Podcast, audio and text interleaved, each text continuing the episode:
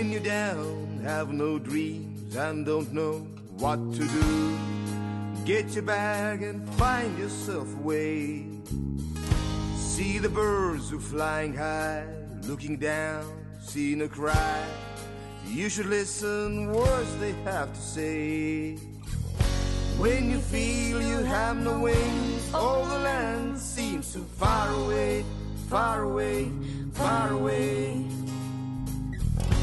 But you always have your dreams. You don't only have to hesitate, don't hesitate. don't tere, Ando hesitate. Tõnumaa, et täna on siis Intrigeeriva pärastlõuna üheteistkümnes saade ja tere, ja aitäh tulemast ja meil on külalisi ka ja väga meeldiv.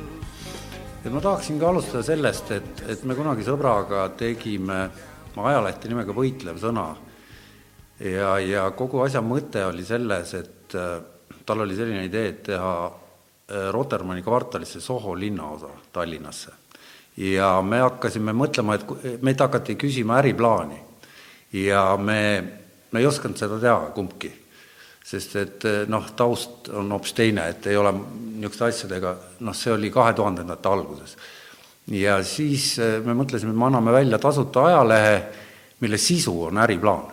Ja siis me tellisime igasugu arhitektidelt ja niisugustelt noh, tegelastelt artikleid ja müüsime reklaami. ja andsime kuus numbrit seda lehte välja, see oli siis kaks tuhat kuni kaks tuhat üks ja kogu asja mõte, et seal taga oli kaane peal kirjas, et see on business plan. et see oli meie varjatud agenda.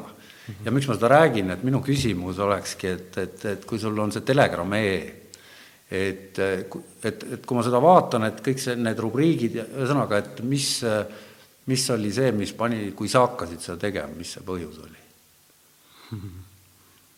no see sai alguse tegelikult ulmefilmist. et äh, enne Telegrami ma tegin ulmefilmi see oli kaks tuhat kaksteist. ja aga ma tegin seda kaks aastat. ja siis, kui ta sai valmis, seda saatis nagu edu netis ja siis hakkas tulema mul hästi palju kirju, et ma peaks tegema nüüd sellest ja teisest ja kolmandast teemast ka filmi. ja siis ma oma kaasaga nagu vaatasime, et äh, me ei jõua neid filme teha, et meil on mõttekam teha niisugune portaal, kus on need uudised nagu üleval, teemad, mis nagu mujal ei ole kirjas. selle ul- ulmefilmi kohta võib-olla, et, et inimesed võib-olla ei tea, et see on siis ulmefilm.ee aadressil mm -hmm. endiselt jälgitav. jah, see on, ma siis räägin paari sõnaga, et äh, ulmefilm on dokfilm, mis, mis keskendub ennekõike üheksa, üheksa üksteist terrorirünnakutele, kes selle korraldas, kuidas, miks ja nii edasi ja mõned teised vandenõud ka. ja mm, see on siis kolmteist osa, kümme tundi. Ja kui ta tookord ilmus aastal kaks tuhat kaksteist, siis ta aasta lõpuks seda vaadati juba miljon korda, et ta oli tegelikult kaks tuhat kaksteist aasta kõige enim vaadatud film Eestis nagu, aga kuna ta oli mitteametlik, ta ei olnud kuskil kinodes või mitte midagi sellist, siis ta ei ole kuskil edetabelites. see oli nagu tulnukas, et Jah. et hästi palju netis vaatamisi. jah, netistriimi hästi palju, aga kuna ma olin kasutanud seal nagu muusikat, mis ei olnud autoriõigustega nagu kaitstud minu jaoks nagu, et nagu piraati panin, siis ma ei saanud seda panna Youtube'i, ma isegi jah, et äh, Youtube võttis heli ära mul juhtus ka ühe saatega nii. Jah. terve saade võeti maha. ja, ja, ja, ja siis ma kasutasin mingisugused suvalised, mingisugused äh, väiksemad saidid ja need on ka mõned on kokku läinud selle aja jooksul, et mul ametlikku numbrit ei ole enam võimalik teadagi, kui palju neid osasid vaadatud on. Aga praegu sul on kodulehekülg, see on Eesti see punkt, Eesti domeeni all punkt Jah. ee ja see ongi selle jaoks tehtud ja jah, ulmefilm.ee aga kuidas autorikaitsest, seal on ju kogu materjal on ju tõlgitud sisuliselt ja lõigatud kokku dokumentaalfilmidest ja intervjuudest, mis erinevatest dokumentaalfilmidest sa küsisid luba ka ei küsinud. tuimalt panid? ja, ja, ja, ja ma Väga vaatasin, et mul ei ole nii palju aega või energiat, et sellega tegeleda, et Nojah. no see on umbes sama, kui sa oled artist, et sa ei saa ise kõigega tegeleda ma. mõtlen ka, et mul tõmbas robot ära lihtsalt ühe multifilmi lõigu, mis oli imikutele mõeldud, leidis üles mm -hmm. ja seal saates me näitasime mitmeid lõike sotsiaalmeediast. aga just selle ühe leidis üles ja bännis ära, et, et, et, et, et, et sul on terve see film neid täis, et, et mingi robot seda ei leia, et Youtube'is Youtube'i, mina ise ei ole neid üles pannud, mingid osad on Youtube'is täna üleval. ja kui ma tean, et mõnel osal ei ole heli, aga nüüd ongi nii, et äh, see sõltub sellest, kes on selle autoriõiguse, kuidas nagu ära nagu siis kuidas öelda, nagu kindlustanud, et sa saad seal valida niimoodi, et kui sul on mingi Retsimaa asi või mingi suurem label, kes selle omanik on, neil tuleb automaatselt kohe plokk peale, et sa ei tohi seda panna. aga kui sa mingi väiksem bänd oled, siis ta võib-olla vaatab, et see on autorikaitsega nagu noh, see ei ole sinu oma, siis tuleb hoiatus, et tee midagi või noh no, see on erinevad levelid. aga see selleks, ühesõnaga, et see oli, eks ju, kaks tuhat kaksteist ja siis mul tuli hästi palju kirju, et tee sellest ja teisest osast või asjast ka film, seda ma vaatasin, et me ei jõua teha ja siis me avasime kaks tuhat kolmteist jaanuaris telegram.ee, et just hiljuti saime kuueaastaseks. Aga siis ikkagi see minu küsimus, et, et noh, meil oli, ma rääkisin, mis meil ajend oli et, et ah, saaks Soho, Soho linnaosa ehitada sinna Rotermanni kvartalisse mm, -hmm. et et noh, et arhitektid kirjutasid, kui lahe see hakkaks olema ja ja kunstiinimesed rääkisid, mismoodi ateljeed seal hakkaks välja nägema ja see oli justkui niisugune varjatud, noh et ja, ja siis me jagasime seda tasuta, et see, meil õnnestus müüa sinna ikkagi reklaami, et kuus numbrit välja anda oma äriplaani nii-öelda mm. -hmm. aga noh, nagu sa näed, Soho seal täna ei ole, nii et et aga leht, leht jäi alles, et, et, et, et ma just mõtlengi, et et kas sul oli ainult vajadus seda informatsiooni, sedasama, mis sa seal seriaalis siis äh, nii-öelda esialgu küll jaa, et see oli siis nagu see vajadus seda infot levitada, sest kui sa saad nagu midagi niisugust äh, jahmatavat teada, siis esimene reaktsioon inimestel on öelda kellelegi teisele, kuule, et joo, et ma sain niisuguse asja teada siis nagu mina nägin, et kui ma sain teada, et üheksa üksteist on sisetöö, siis enamus inimesed ei tahtnud teada üldse mitte midagi sellest. siis ma tundsin ennast nagu imelikult, et, et see on ju nii rets asi, mis mõttes see sind ei huvita nagu, et ma ei saanud nagu aru. oota, võib-olla selle vande, me sinuga siin peame selle nagu ära defineerima, muidu mm. me läheme rappa, et mis asi on vandenõu? mis asi ta on? vandenõuteooria, mitte vandenõu isegi, vandenõuteooria. et, et see kõlab, noh, tähendab, sellega seostatakse kõike seda, mis ei ole tõsi see on inimeste mõtlemine. Mina nii ei mõtle, mina vaatasin järgi erinevates sõnastikes, see tähendab, sõnastike järgi hoopis ei tähenda. põhimõtteliselt vandenõu sõnastiku järgi on umbes nii, et kui kaks inimest midagi omavahel sepitsevad, see ongi vandenõu. kaks no, või rohkem. jah, et, et aga seal on veel, nojah, seal on et, et põhimõtteliselt, mis on selle asja juures minu arust kõige olulisem, et vandenõusid on maailm täis ja väga palju neist jäävad nii-öelda vahele või, või ajaloo jooksul saadakse pihta neile ja, ja, ja leiavad nii-öelda hardcore kinnitust mm, -hmm. et noh, mingite tõendite näol. ja siis on mingi osa, mis ei, ei leia kinnitust nii äh, ägedal moel. ja nüüd siis küsimus ongi selles, et kumba kategooria vandenõu äh, nagu on tegemist ja ma saan aru, et sina ürit-, kajastad oma äh, lehes põhiliselt neid, mis on nii-öelda vaidluse objektid, mis ei ole need mm -hmm. vandenõud, noh et me teame, et noh, Hitlerile sepitseti seal vand, sellest on film tehtud, kõik teavad, ajaloolased ja nii edasi, asjaosalised elavad, nüüd sina tõmbad võrdusmärgi nende üheksa üksteist ja seal nende asjade vahele või? tähendab, ma ei ole Hitleri kogu selles teemas väga kindel, mis seal nagu räägitakse. ei, ma mõtlen näiteks see üks film oli, kus oli see, mis ta nimi oli, tegi see, no tal tehti palju neid vandenõusid, aga noh, see, seal jäid need ohvitserid jäid vahele, siis nad tapeti maha, tõmmati oksa, löödi konksude otsa mingi jubedal koel, moel tapeti ära. et nad jäid lihtsalt sõna otseses mõttes vahele. Aga üheksa, üksteist rünnakute eest, kas keegi on vahele jäänud? ei ole vahele jäänud, sellepärast et äh, need, kes nüüd vandenõud uurivad, enamus äh, need uurijad või kajastajad on sellest vandenõust minu hinnangul valesti aru saanud. kuidas sa, mis mõttes? ma ise sain ka vale, vanasti sellest valesti aru. ühesõnaga, vanasti mina arvasin ja enamus inimesed arvavad täna, et äh, USA nagu riik või valitsus, mitte riik, sorry, valitsus ise korraldas, tappis ära seal oma süütud inimesed, et õigustada sõda kuskil mujal. No see on see, mida räägitakse. jah, eks ju, tähendab, siis sul noh, esiteks on ametlik, eks ju ametlik story on, et kuskil olid terroristid seal Kaabu või see vend Turbaniga seal kuskil koopas midagi tegi, eks ju. see on nüüd ametlik. siis mitteametlik on see, et valitsus ise tegi ja tappis need inimesed ära. ja nüüd kolmas versioon, kuhu mina kuulun täna, on nüüd see, et ma arvan, et seal ei saanud mitte keegi surma ka. ma arvan, et see oli täielik magic trikk algusest lõpuni. kas see on nagu sinu seriaalis need holograafilised lennukid või? No mõnes mõttes küll, kui ma selle tegin, siis ma rääkisin, et üks variant on, minu sõnastus oli, et kõige tõenäolisem variant oli see, et sinna tulistati rakett, kuhu külge kuvati hologramm.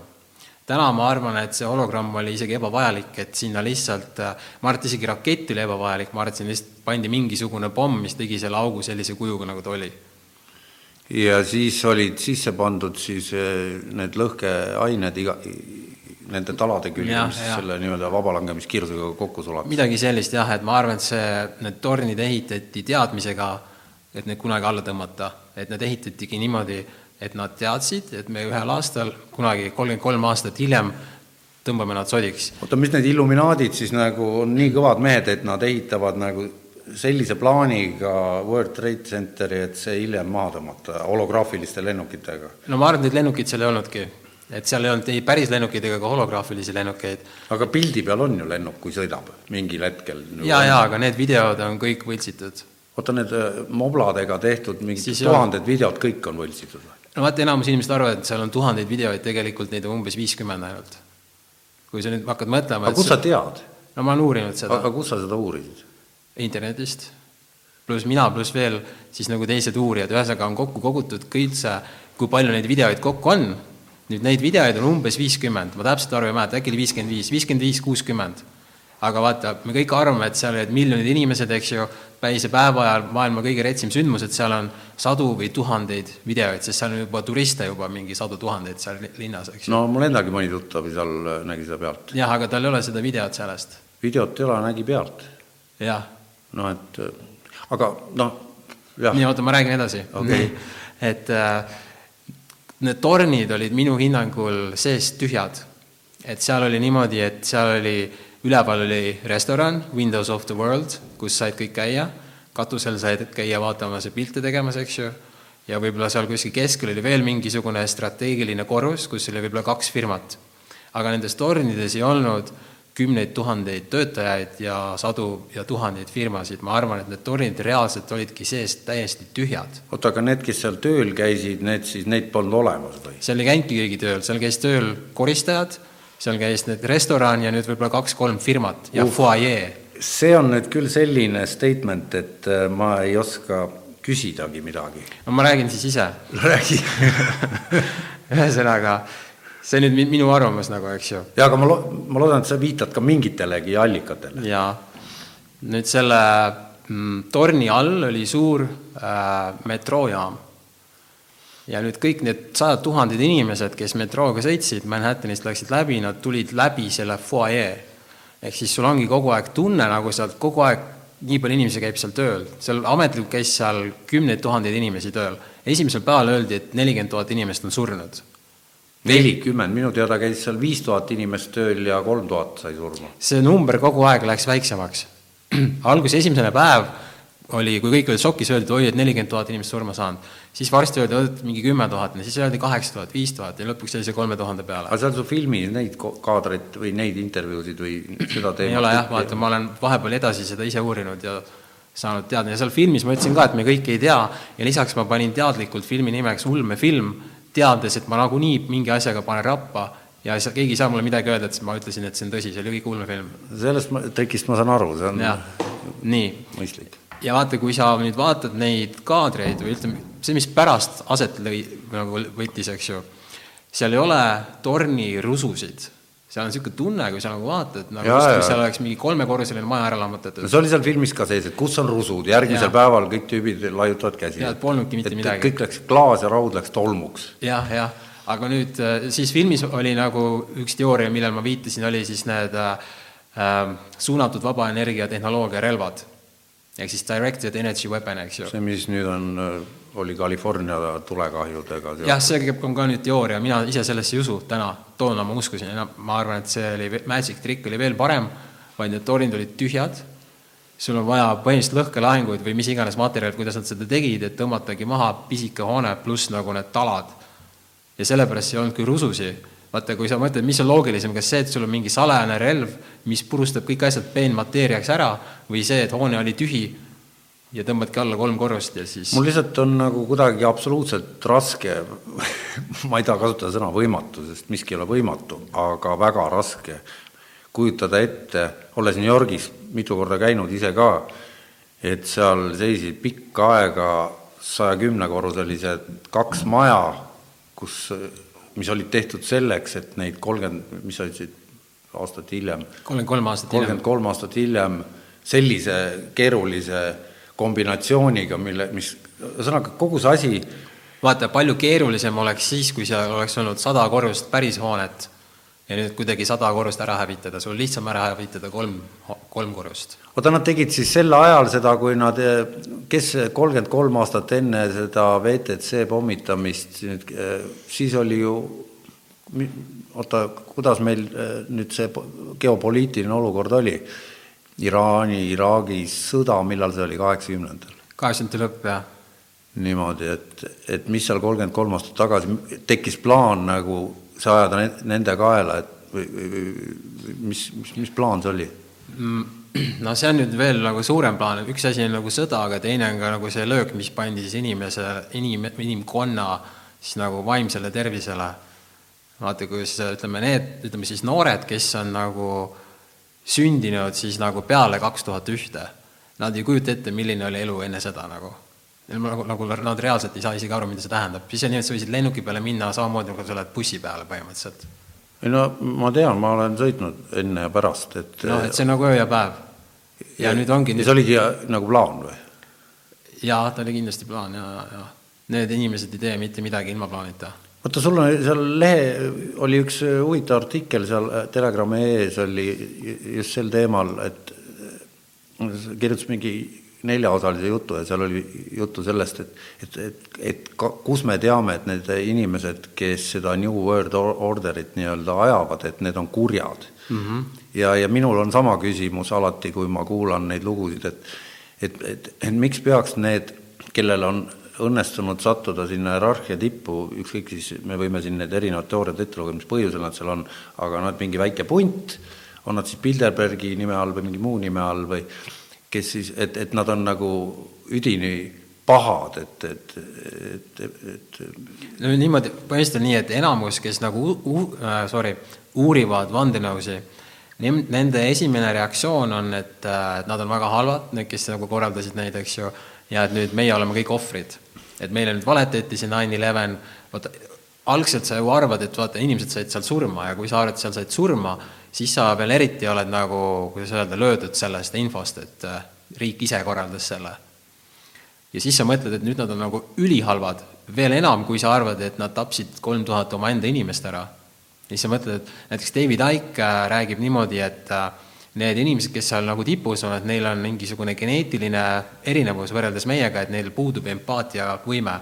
ja see on nüüd põhjus, miks nad nagu suvalt tapavad inimesi no ta räägib ka seda, et on tulnukad punt on nagu segunenud selle maaseltskonnaga mm -hmm. ja sel tulnukate rassil puudub empaatiavõime ja et see on ja. seotud sellega. jah, aga vaata, see läheb nüüd kokku selle story'ga, et seal need inimesed said surma. Aga mina arvan, et seal ei saanudki keegi surma juba sellepärast esiteks, et seal polnud neid korruseid polnud. lisaks need kolm tuhat inimest, need äh, hukkunud on simuleeritud meil on, ma olen avaldanud Telegrami lehel niisuguse asja nagu Victim raport ehk Simulated Victims üheksa üksteist. seal on niimoodi, kui sa lähed seda uurid ja siis on nagu näha sadu ja sadu fotosid, kus on näha, et need inimesed on Photoshop itud, need hukkunud. Ja selles äh, rahvastikuregistris ei kajastu kolm tuhat hukkunut üheteistkümnendal septembril. New York on vaata suur linn, seal on niimoodi, et äh, iga päev sureb umbes viissada inimest seal, kes autoõnnetuses, kes haiguses, kes vanuse, vana, vanus, vanasse ikka, eks ju. nüüd kümnendal, üheteistkümnendal ja kaheteistkümnendal septembril see arv on sama, keskmiselt umbes viissada inimest. et need kolm tuhat inimest üldse isegi ei kajastu seal rahvastikuregistris, sellepärast et neid hukkunuid ei ole.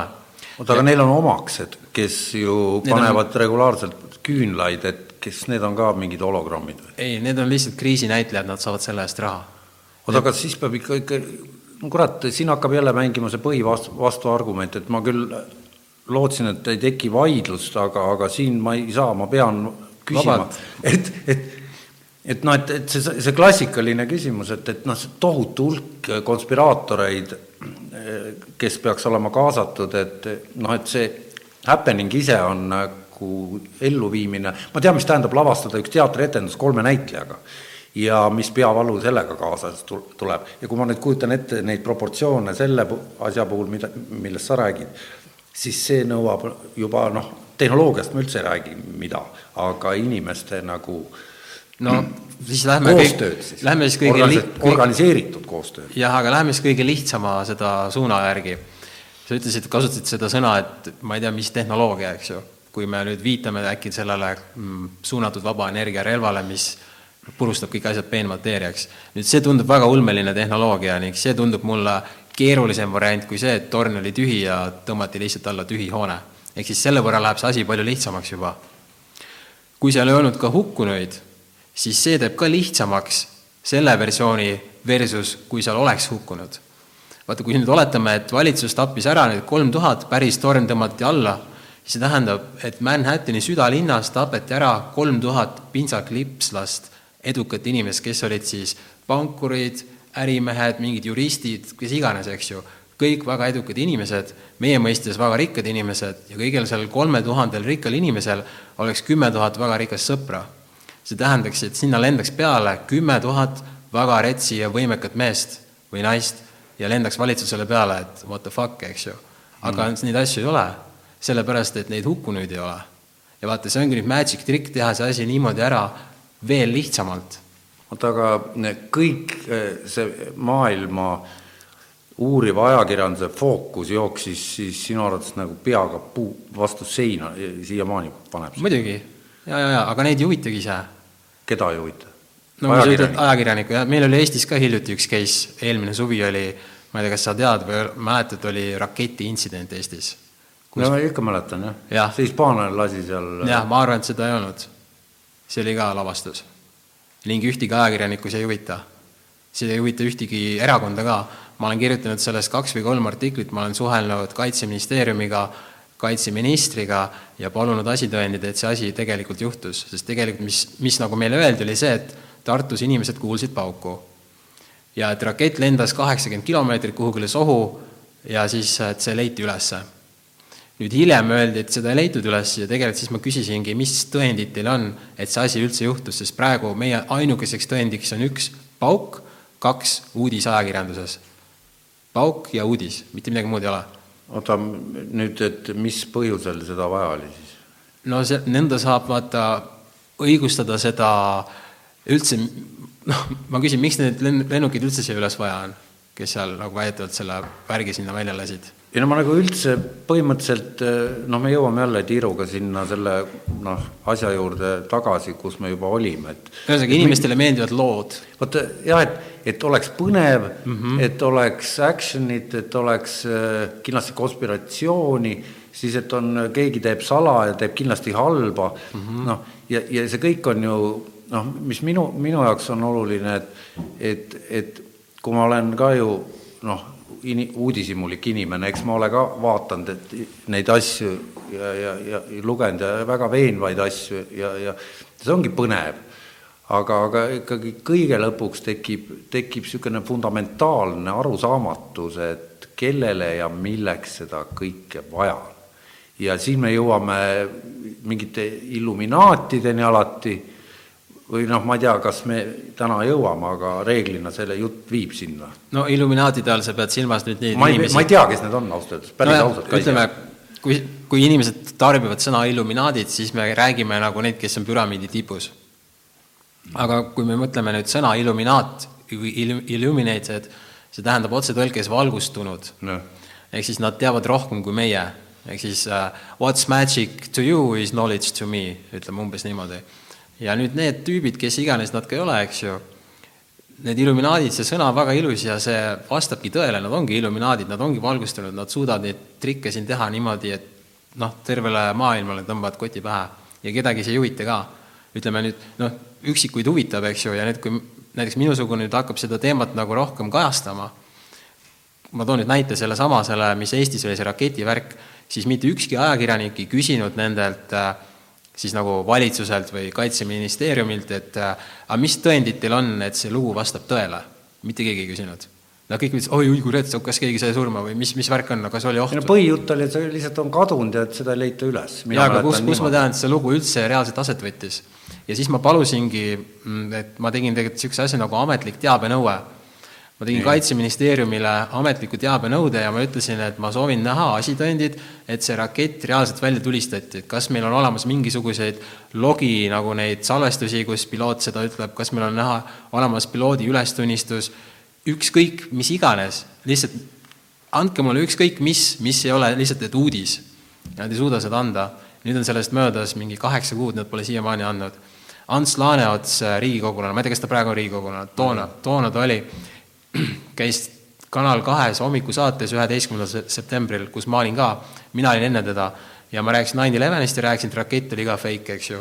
siis need saatejuhid küsisid sellelt Laaneotsalt, et kuule, et Hando oli siin, rääkisid, see oli fake siis see vend ütles, oi-oi, et ta seal mõtleb ise lugusid välja ja et me teame, et rakett lendas kaheksakümmend kilomeetrit ja et piloot tunnistas selle üles.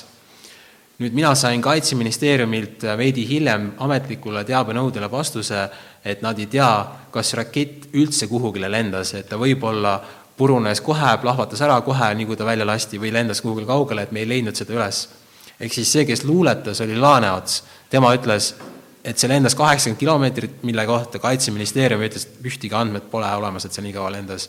Ja lisaks ütles Laaneots, et see piloot tunnistas Oota, üles. ma segan, Kaitseministeerium ütles, see on siis ametlik teabenõue ja, ja vastus sellele? ütlesid mulle, noh, sa saatsid kirja, et äh, nad ei tea, mis raketist sai, et neil ei ole mitte ühtegi nagu andmed selle kohta. ma küsisingi, et andke mulle, kas see raketi trajektoor, mis iganes, kas radarid nägid, ükskõik, anything, neil pole mitte midagi ja neil tänase päevani ei olegi mitte midagi. Ainus, mis neil on, on uudis ja uudised on vastuolus Kaitseministeeriumiga, nad on vastuolus Ants Laaneotsaga, kõik asjad omavahel täielikult vastuolus. ja ma ühe asja räägin veel, et ma peale seda hakkasin üldse rohkem uurima rakettide kohta ja täna ma arvan, et see rakett ei ole isegi füüsiliselt võimel, võimeline lendama kaheksakümmend kilomeetrit. ma arvan, et see on veel oota, milline rakett, see, mida ei ole või? seda, mida ta väidetavalt tulistas välja. Amram on selle raketi nimi. okei okay sest sellel raketil põhimõtteliselt tal ei ole tiibasid, kui me üldse räägime, et on olemas mingisugused asjad nagu äh, mandritevahelised ballistilised raketid. Nad ütlevad, on olemas niisugune maagiline rakett, et põhimõtteliselt me võime siitsamast aknast tulistada välja ja see lendab kuhugi Indiasse. aga sellel raketil ei ole tiibasi, kuidas ta lendab? ei, ära minu käest küsi, ma ei tea. Need, nad ise ka ei tea, sest see on kõik äh, nagu riigisaladus või sõjaväesaladus. ehk siis seda kokkuvõttes on kõik muinasjutt minu jaoks. ja kui ma küsin tõestusi, et andke mulle ükskõik mida, nad ei suuda mitte midagi anda, seega see ongi kõik välja mõeldud lihtsalt. et ma just mõtlen, et ma tõmban siin paralleeli praegu Alex Jonesiga, et, et, et sa oled ka teda tsiteerinud või, või seda nime nagu kunagi, jah. mingis kontekstis välja toonud, et, et see vend on nagu, mis temast saanud on? Äh, tema läks täiesti sinna hirmu teemasse ütleme nii, et kunagi, vaata, kui sa hakkad vandenõus uurima, siis sa kindlasti komistad Alex Jones'i otsa varem või no, hiljem. seda, ja, ja, ja nii. seepärast ma küsingi, et ja, kuidas teie kunagi, omavahel niimoodi. kunagi ma vaatasin, noh, et see on kõige retsim vend. aga ma nägin, et see vend on nagu, jäi kinni teatud asjadesse ja ta arvab siiamaani, et valitsus tappis nagu kolm tuhat inimest ära nine elevenis. noh, ma ei tea, kas ta arvab, aga ta räägib seda lugu. ehk siis, kui ta on nüüd uurija, siis ta on ülihalb uurija, aga ma arvan, et ta ei ole nii halb uurija, vaid ma arvan, et ta ongi nagu pandud agent kes tema on ka, Alex Jones on ka, miks ta siis ära bännitud on kõikides kanalites? sellepärast, et ma arvan, et tal ei olnud enam nii palju kuulajaid ja ta sai selle trikiga see endale nagu tähelepanu. millise trikiga, et ära bänniti selles mõttes? jah, no ta bänniti ära Facebookist ja Youtube'ist, eks ju no,. ja siis sa said, kõik need vanad kuulajad lendasid tagasi tema Infowarsi lehele nojah, see Infowars on, ja tal on teine veel mingi, ma ei mäleta. Prison Planet. jah, Prison Planet. jah, aga seal vaata, kui sa seda vaatad, siis need on kõik su suvalised uudised nagu siin hästi palju rassiviha ja igatepidi viha ja ta ise ka hästi vihane karjub ja kuule, aga siin on paras koht küsida, et, et, et sa nimetad ennast skeptikuks mm -hmm. ja, ja, ja ütleme, ameeriklastel on skeptik.com ja meil on Eestis skeptik.ee ja kus on kodanik Vällik ja nii edasi, et et kuida-, et nemad on ju ka skeptikud, Nemad ei ole skeptikud. tõmba nüüd see definitsioonide vahe nüüd, tee mulle selgeks, et mis, mis teid tähendab, kui me räägime nüüd sellest Eesti skeptikust, siis tema on skeptik äh, selles osas, mis, äh, kui sul on, ütleme, sul on nagu ametlik lugu ja sul on nüüd mitteametlik lugu, ehk siis nagu vandenõulugu, nüüd tema on vandenõuskeptik, siis ütleme nii. Mhm. kõik, mis on mainstream, täpselt nii ongi ja let's go. ja sina oled skeptik nende mainstream'i suhtes? ma olen kõige suhtes skeptik, nagu ma ütlesin, ma ei usu nagu seda üldse midagi? ma ei usu seda kõige kuulsamat vandenõulugu üheks üks ühest, et valitsus tappis ise need inimesed ära tähendab, sa oled juba eelduseks võtnud selle, et vandenõu on nii või naa, aga see, see, see inimeste tapmine on liiga lahja, et, et võiks ei, see ei ole nii, et ma võtsin eelduse, vaid et äh, minuni kunagi jõudis info, et see oli sisetöö, siis ma olin väga šokeeritud, hakkasin seda asja uurima ja ma nägingi, et see, mis iganes nad meile rääkisid, see kindlasti ei vasta tõele. nüüd aastaid läks, mulle kulus aastaid, et aru saada, et seal ei olnud hukkunuid, et need hooned olid tühjad ja et siin on olemas nagu mitu-mitu vandenõud. Põhimõtteliselt, vaata, kui sul on, arvad, et need terroristid tapsid inimesed ära, siis inimene arvab, et oi, et me elame jube kurjas ja ohtlikus maailmas, eks ju. nüüd, kui sa arvad, et valitsus tappis need inimesed ära, siis sa arvad, et ikkagi, et see on nii kuri ja õudne koht. aga nüüd, kui sa vaatad, et kuule, et hukkunuid polnudki, siis sa vaatad, et jõu, et kuule, ma võin minna lennuki peale, seal isegi varianti keegi seal lennukis oota, siis need Illuminaadid on tegelikult täitsa okei okay vennad. päris okei okay on, jaa. kõlab loogiliselt. No muidugi. aga sul kodulehel on, et Putin ka noh, selle üheksa üksteist kohta mingil pressikal kuskil ütleb, et, et noh, et, et see on absurd, et ameeriklased ise oma elanikke tapsid ja ja samas tema enda need noh, tead küll, millega Tšetšeenia sõda, kolm elumaja seal, et, et kas need, mis, mis sa nagu, kas ma arvan, ka et... Illuminaat või? jaa, nad on kindlasti üks ja sama seltskond, seda ma ütlesin ka ulmefilmis seitse aastat tagasi, et äh, USA ja Venemaad juhib üks ja sama jõud. Äh, kui ma aastaid hiljem kohtusin David Icke'iga, siis ma ütlesin, kuule, mis sa arvad sellest, et USA, Venemaa on üks sama jõud, ta saatis mu põhimõtteliselt kuu peale, sest ei ole. mis, kus sa temaga, David Icke'iga, räägi temast paari sõnaga, et kui sa no kunagi ta tundus mulle väga nagu kõva vend, eks ta mõnes mõttes ongi nagu, aga ta on kindlasti jäänud kinni ta ei ole, ütleme, kui ma olen kõik tema raamatud läbi lugenud, mis on eesti keeles välja antud ja ühe ingliskeelse, ja ma ütleks, et seal ei ole mitte midagi uut. Kui sa ühe raamatu loed ära, siis on kõik nagu, rohkem ei pea lugema, see story on kogu aeg sama.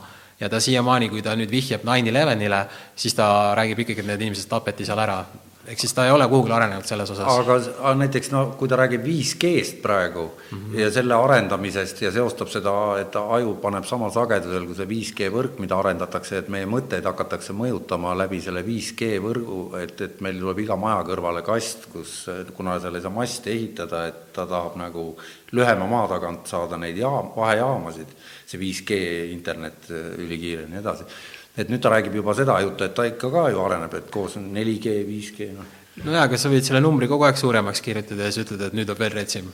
Et sa arvad, et David Icke nagu on siis, et ta, ma, ma, mina ei, ei ole ta raamat lugenud, et selle tõttu ma ei ole kompetentne võib-olla siin selle teemal debateerima, aga et, et aga noh, lühidalt inimesed ilmselt, kes meid kuulavad, teavad väga hästi, kes ta on mm -hmm. ja eks ma tean ka, noh, kes ta on, aga jaa, no ühesõnaga, ta on siis nagu üks esimesi siis ütleme, võib-olla ongi ilmselt kõige suurem vandenõu siis uurija, vandenõuteoreetik, üks, ükskõik mis nime sa paned, tema tuli üheksakümmend või üheksakümmend üks tuli sellega välja äh, ja ma ütleks, et ta arenes kuni kuskil niimoodi kahe tuhandemate alguseni. ta oli nagu väga kõva. aga peale seda nagu sealt ei ole midagi minu jaoks uut tulnud. et ta siiamaani, esiteks ta räägib, et tuumapommid on olemas, ta, kui talt küsitakse, hiljuti küsiti, mis sa arvad, kas kuumissioonid lavastati, siis ta ütles, et oh, ma ei tea no see on umbes sama, et ta ütleb, et ma ei tea, kas nine eleven oli sisetöö, noh et kui sa ei ole nii kaugele veel jõudnud, siis ma ei tea, mis uurija sa oled. oota, aga see kuumissiooni värk on sul ka selge, et see oli kindel pauk, et tehti kuskil no muidugi, see, seda ma teadsin ennem, kui nine eleven tehti mm. -hmm. ja, ja see, sellest võime eraldi rääkida, aga ei no, no ilmselt inimesed saavad selle kohta, kui neti lahti löövad mm, -hmm. kilomeetrite kaupa lugeda, et, et, et see, kuidas see lavastati ja kes jah, ja, ja nüüd vaata see, me ennem rääkisime Putinist, et see siin saab nii palju neid nagu neid paralleele tõmmata.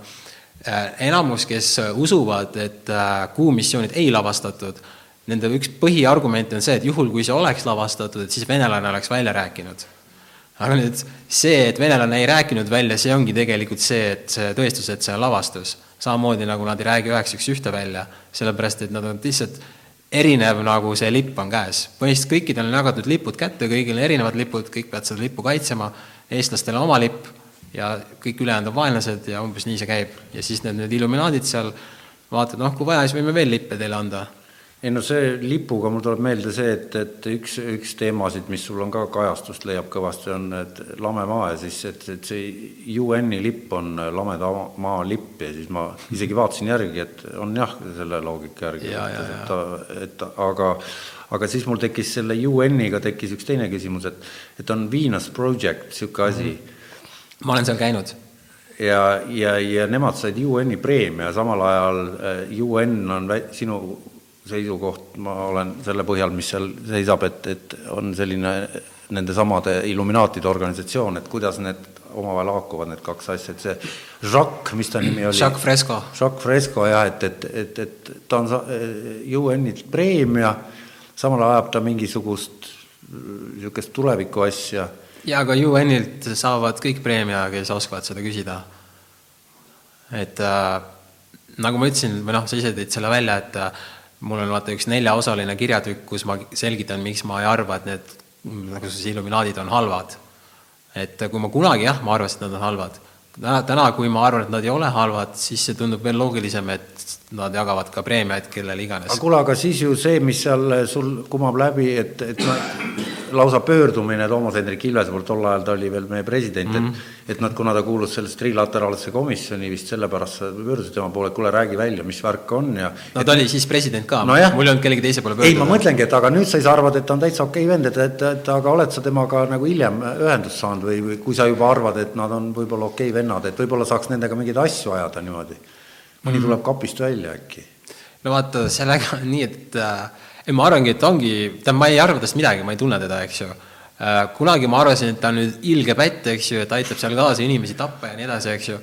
enam ma seda ei arva, sellepärast et ma arvan, et neid hukkunuid polnudki. nüüd samal ajal, kui nüüd kõik teised, kes neid vandenõusid uurivad, nad arvavad, et ta on ikkagi pätt, eks ju aga mida ma talle, talle nüüd ütlen, saadan kirja, et kuule, et ma nüüd oot, sa ütlesid kõik teised, et kas Eestis on nagu palju neid, neid, kes uurivad või sa mõtlesid Eesti inimesi? ma mõtlesin üldse, kes nagu on vandenõusi uurivad, noh, vaata, sa ei pea olema ise neid kirjutama, kirjutama mm. ei pea, eks ju, lihtsalt loed neid lugusid, eks ju, Eestis on ka mõned saidid veel, kus neid kajastatakse. ja nüüd, nüüd teine asi veel on see, et paljud, kes nagu uurivad vandenõusi, nad ei suuda näha seda, et nüüd Eesti lülid on ka sellega seotud et, et näiteks need, kes arvavad näiteks, et kolm tuhat inimest hukkus seal, siis nemad ei saa sellest aru, et kes iganes on Eestis pundis, et ta on pundis sellesamaga, kes nüüd tema meelest ära tappis need kolm tuhat seal. Nad sellest ei saa aru, et ta saab täiesti aru või ta usub, et kolm tuhat hukkus ära, aga kui Obama tuleb siia või Bush, siis kui tal on vähegi võimalik temaga pilti teha, siis ta teeb selle pildi ka ja teeb seal selle Ilvesega pildi ja nii edasi. ja siis mõtleb, et oh, ülikõva, paneb selle Facebooki ülesse ja järgmine päev jagab mingit artiklit, et näed, nine eleven, kuradi terroristid et seal on, neil on täielik error. ühesõnaga, teil on seal vandenõu uurijate maailmas on tekkinud selline ebaterve konkurents, ma saan aru? jah, ma ütleks, et konkurentsi selles suhtes ei olegi, et kõik on nagu erineval tasemel ja mina ise nimetan ennast skeptikuks. ennem me rääkisime skeptikust, mul jäi see jutt seal pooleli, et äh, mina olen siis nagu selles suhtes skeptik, et äh, ma ei usu mitte midagi automaatselt. kui oli see raketi intsident, siis ma ei uskunud, et see seal oli, ennem ma, ma tahtsin näha, mis te mida te annate mulle tõestuseks, eks ju, nad ei andnud mitte midagi, siis ma ei usu, et see seal oli. tänu sellele, et ma hakkasin seda uurima, nüüd ma enam ei usu, et need raketid üldse niimoodi lennata saavad, sest neil ei ole tiibasid. Nad, see ei ole võimalik füüsiliselt, et nad üldse püsivad õhus nii kaua. lisaks ma tegin ühe intervjuu ühe endise USA mereväelasega, kes tunnistas üles, et kui tema seal oli, kõik need raketid olid täielik butafooria ja kui sa vaatadki näiteks Youtube'is või kus iganes videoid vaatad, kus neid rakette tulistatakse, sa näed viis või kümme sekundit ja siis on kõik oota, mis rakettidest sa praegu räägid? ükskõik mis rakett. Nad lendavad nii kaua, kui see video kestab, kümme sekundit, võib-olla kakskümmend sekundit ja kõik ülejäänud on enda fantaasia teha, kuhu see rakett läks. aga tegelikult see rakett ju ei saa lennata niimoodi horisontaalselt, kui tal ei ole tiibasid see ei ole füüsiliselt võimalik. ei noh, põhimõtteliselt kui sa lased kuuli püstoli torust välja, siis ta noh, ikkagi lendab suhteliselt horisontaalselt, lõpptulemusena muidugi teeb ta kaare, aga see, mis sa silmaga näed, kui sa üldse midagi näed aeglaselt. jah, ja see rakett on samamoodi, et ta ei saa eriti kaua lennata niimoodi otse. no aga keegi filmi ka ju teda või ma ei saa aru praegu üldse fondist. ei no ma räägin, et äh, me keegi ei ole näinud, et need raketid üldse saaks lennata niimoodi. ja kui sa hakkad mõtlema loogiliselt, siis need, need ei saagi lennata, kui neil ei ole tiibasid otsas vaata, on olemas veel mingisugused raketid, mis juhtum-, ajavad teisi taga nagu. ei no aga kuulil pole ka tiibasid, et, et, et ei no ma räägingi jah, ta lendabki natuke ballistiline aega. tähendabki, et ta ei ole juhitav, vaid ta lendab sinna, kuhu ta jõuab lennata nii kaugele, kui pauk jät-, noh, nii-öelda jah, jah, aga mitte kaheksakümmend kilomeetrit. no kurat, seda ma, vot neid tehnilisi andmeid ma, ma ei oska niimoodi öelda. see, ühesõnaga see mereväelane rääkis, et see on täielik jama ja see, ennem kui ma temaga intervjuu tegin, ma hakkasin veel uurima, ta ei ole ainuke, kes sellest räägib, et need raketi, kogu raketitehnoloogia on nagu välja mõeldud muinasjutt nagu põhimõtteliselt. oota, siin äh, üks saatekülaline oli mul, kes ütles, et, et äh, mobiiltelefonid on ka tulnukate poolt välja mõeldud, sest et need on liiga keerulised no kui tal on midagi selle tõestuseks esitada, siis hea meelega ei, tema arvab, et nii on, et noh, ta on täitsa veendunud selles, et, et ma lihtsalt mõtlen, et et mi-, millega sa nagu, kas sa oled uurinud neid rakettide, ütleme, tead, kuhu ma oma jutuga tahan jõuda, ma tahan jõuda sellise mõiste, nagu on et on grupp teadlasi, keda nimetatakse pseudoteadlasteks, sellepärast et nad on väljunud sellest konventsionaalsest materialistliku teaduse paradigmast. Ja su enda lehel oli ka see nende kahe tuhande neljateistkümnenda aasta manifest, postmaterialistliku maailma manifest. Ja selle on alla kirjutanud noh, väga respektaablid teadlased üle maailma erinevatest valdkondadest ja, ja, ja ja, ja nüüd osa nendest noh, nagu näiteks Tart ja Sheldrake ja keda siis nimetatakse pseudoteadlasteks, ja, ja põhjus ongi selles, noh, ütleme, on sul meeles see manifesti ta, mul ei ole ta sisu täpselt, ma umbes mäletan, mis see plott oli jah, et, et, et, et on palju asju, mida ei saa katsetega korrata ja tõestada, aga mis on ülimalt olulised, et, et mõista seda meid ümbritsevat maailma ja seda ütlevad siis PhD kraadiga erinevate uh mhm. -huh. valdkondade inimesed ja kirjutasid manifesti. ja nüüd ongi tegelikult, ma tahtsingi sinna välja jõuda, et see ei ole otseselt vandenõu, aga et et see on nagu nüüd, et, et see on nüüd seltskond, kes on justkui noh, saanud kõik need vajalikud diplomid, saanud kõik need asjad nii-öelda sinnamaale, et ja, ja, ja nüüd nad põrkuvad mingisuguse seinaga. nüüd, kui on see Illuminaatide punt on ikkagi lõpptulemusel nagu head inimesed uh, mhm. -huh. siis nad peaks ju omavahel kuidagi ühe laua taga seal niimoodi väike noh, sigar ja võib-olla pits konjakit ja kuidagi hakkama ju arutama neid asju, et, et vaata, seal on see teema, et äh, need, kes nüüd maailma juhivad, me ei tea, mis on nende agenda. üks asi on see, teine on see, et äh, nüüd ei mina ega sina ei ole kunagi olnud maailma nagu tippjuht ja me ei tea mitte midagi inimeste juhtimisest.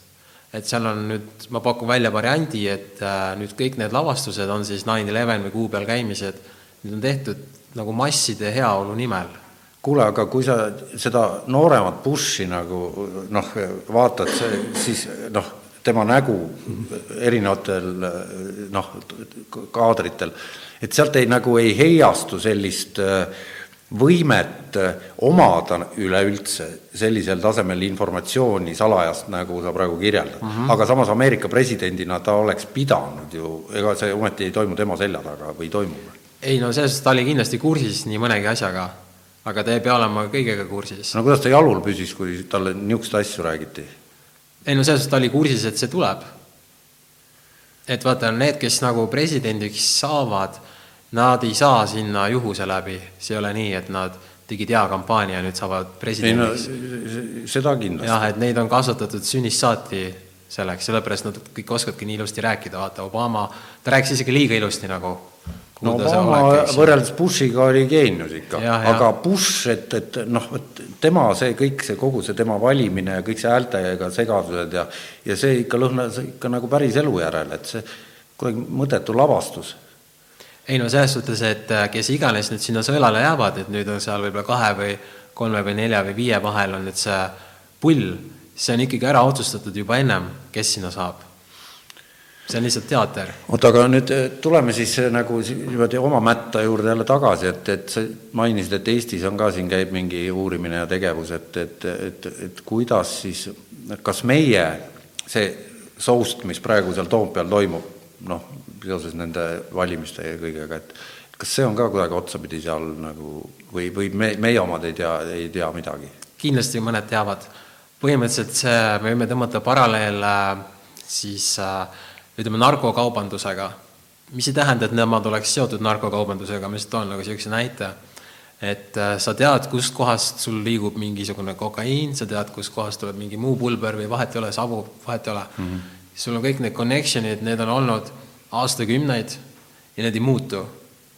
nüüd, kes iganes Eestist saab pukki, ta peab nende samade connection itega edasi seda tegema. ja see tähendab, sinna pukki ei saa mingi random vend minna, et läheb sinna ja siis saab teada, oo, et joo, et tegelikult mingi asi käib seda lahtrit kaudu. see süsteem toimib ja ta jääbki toimima.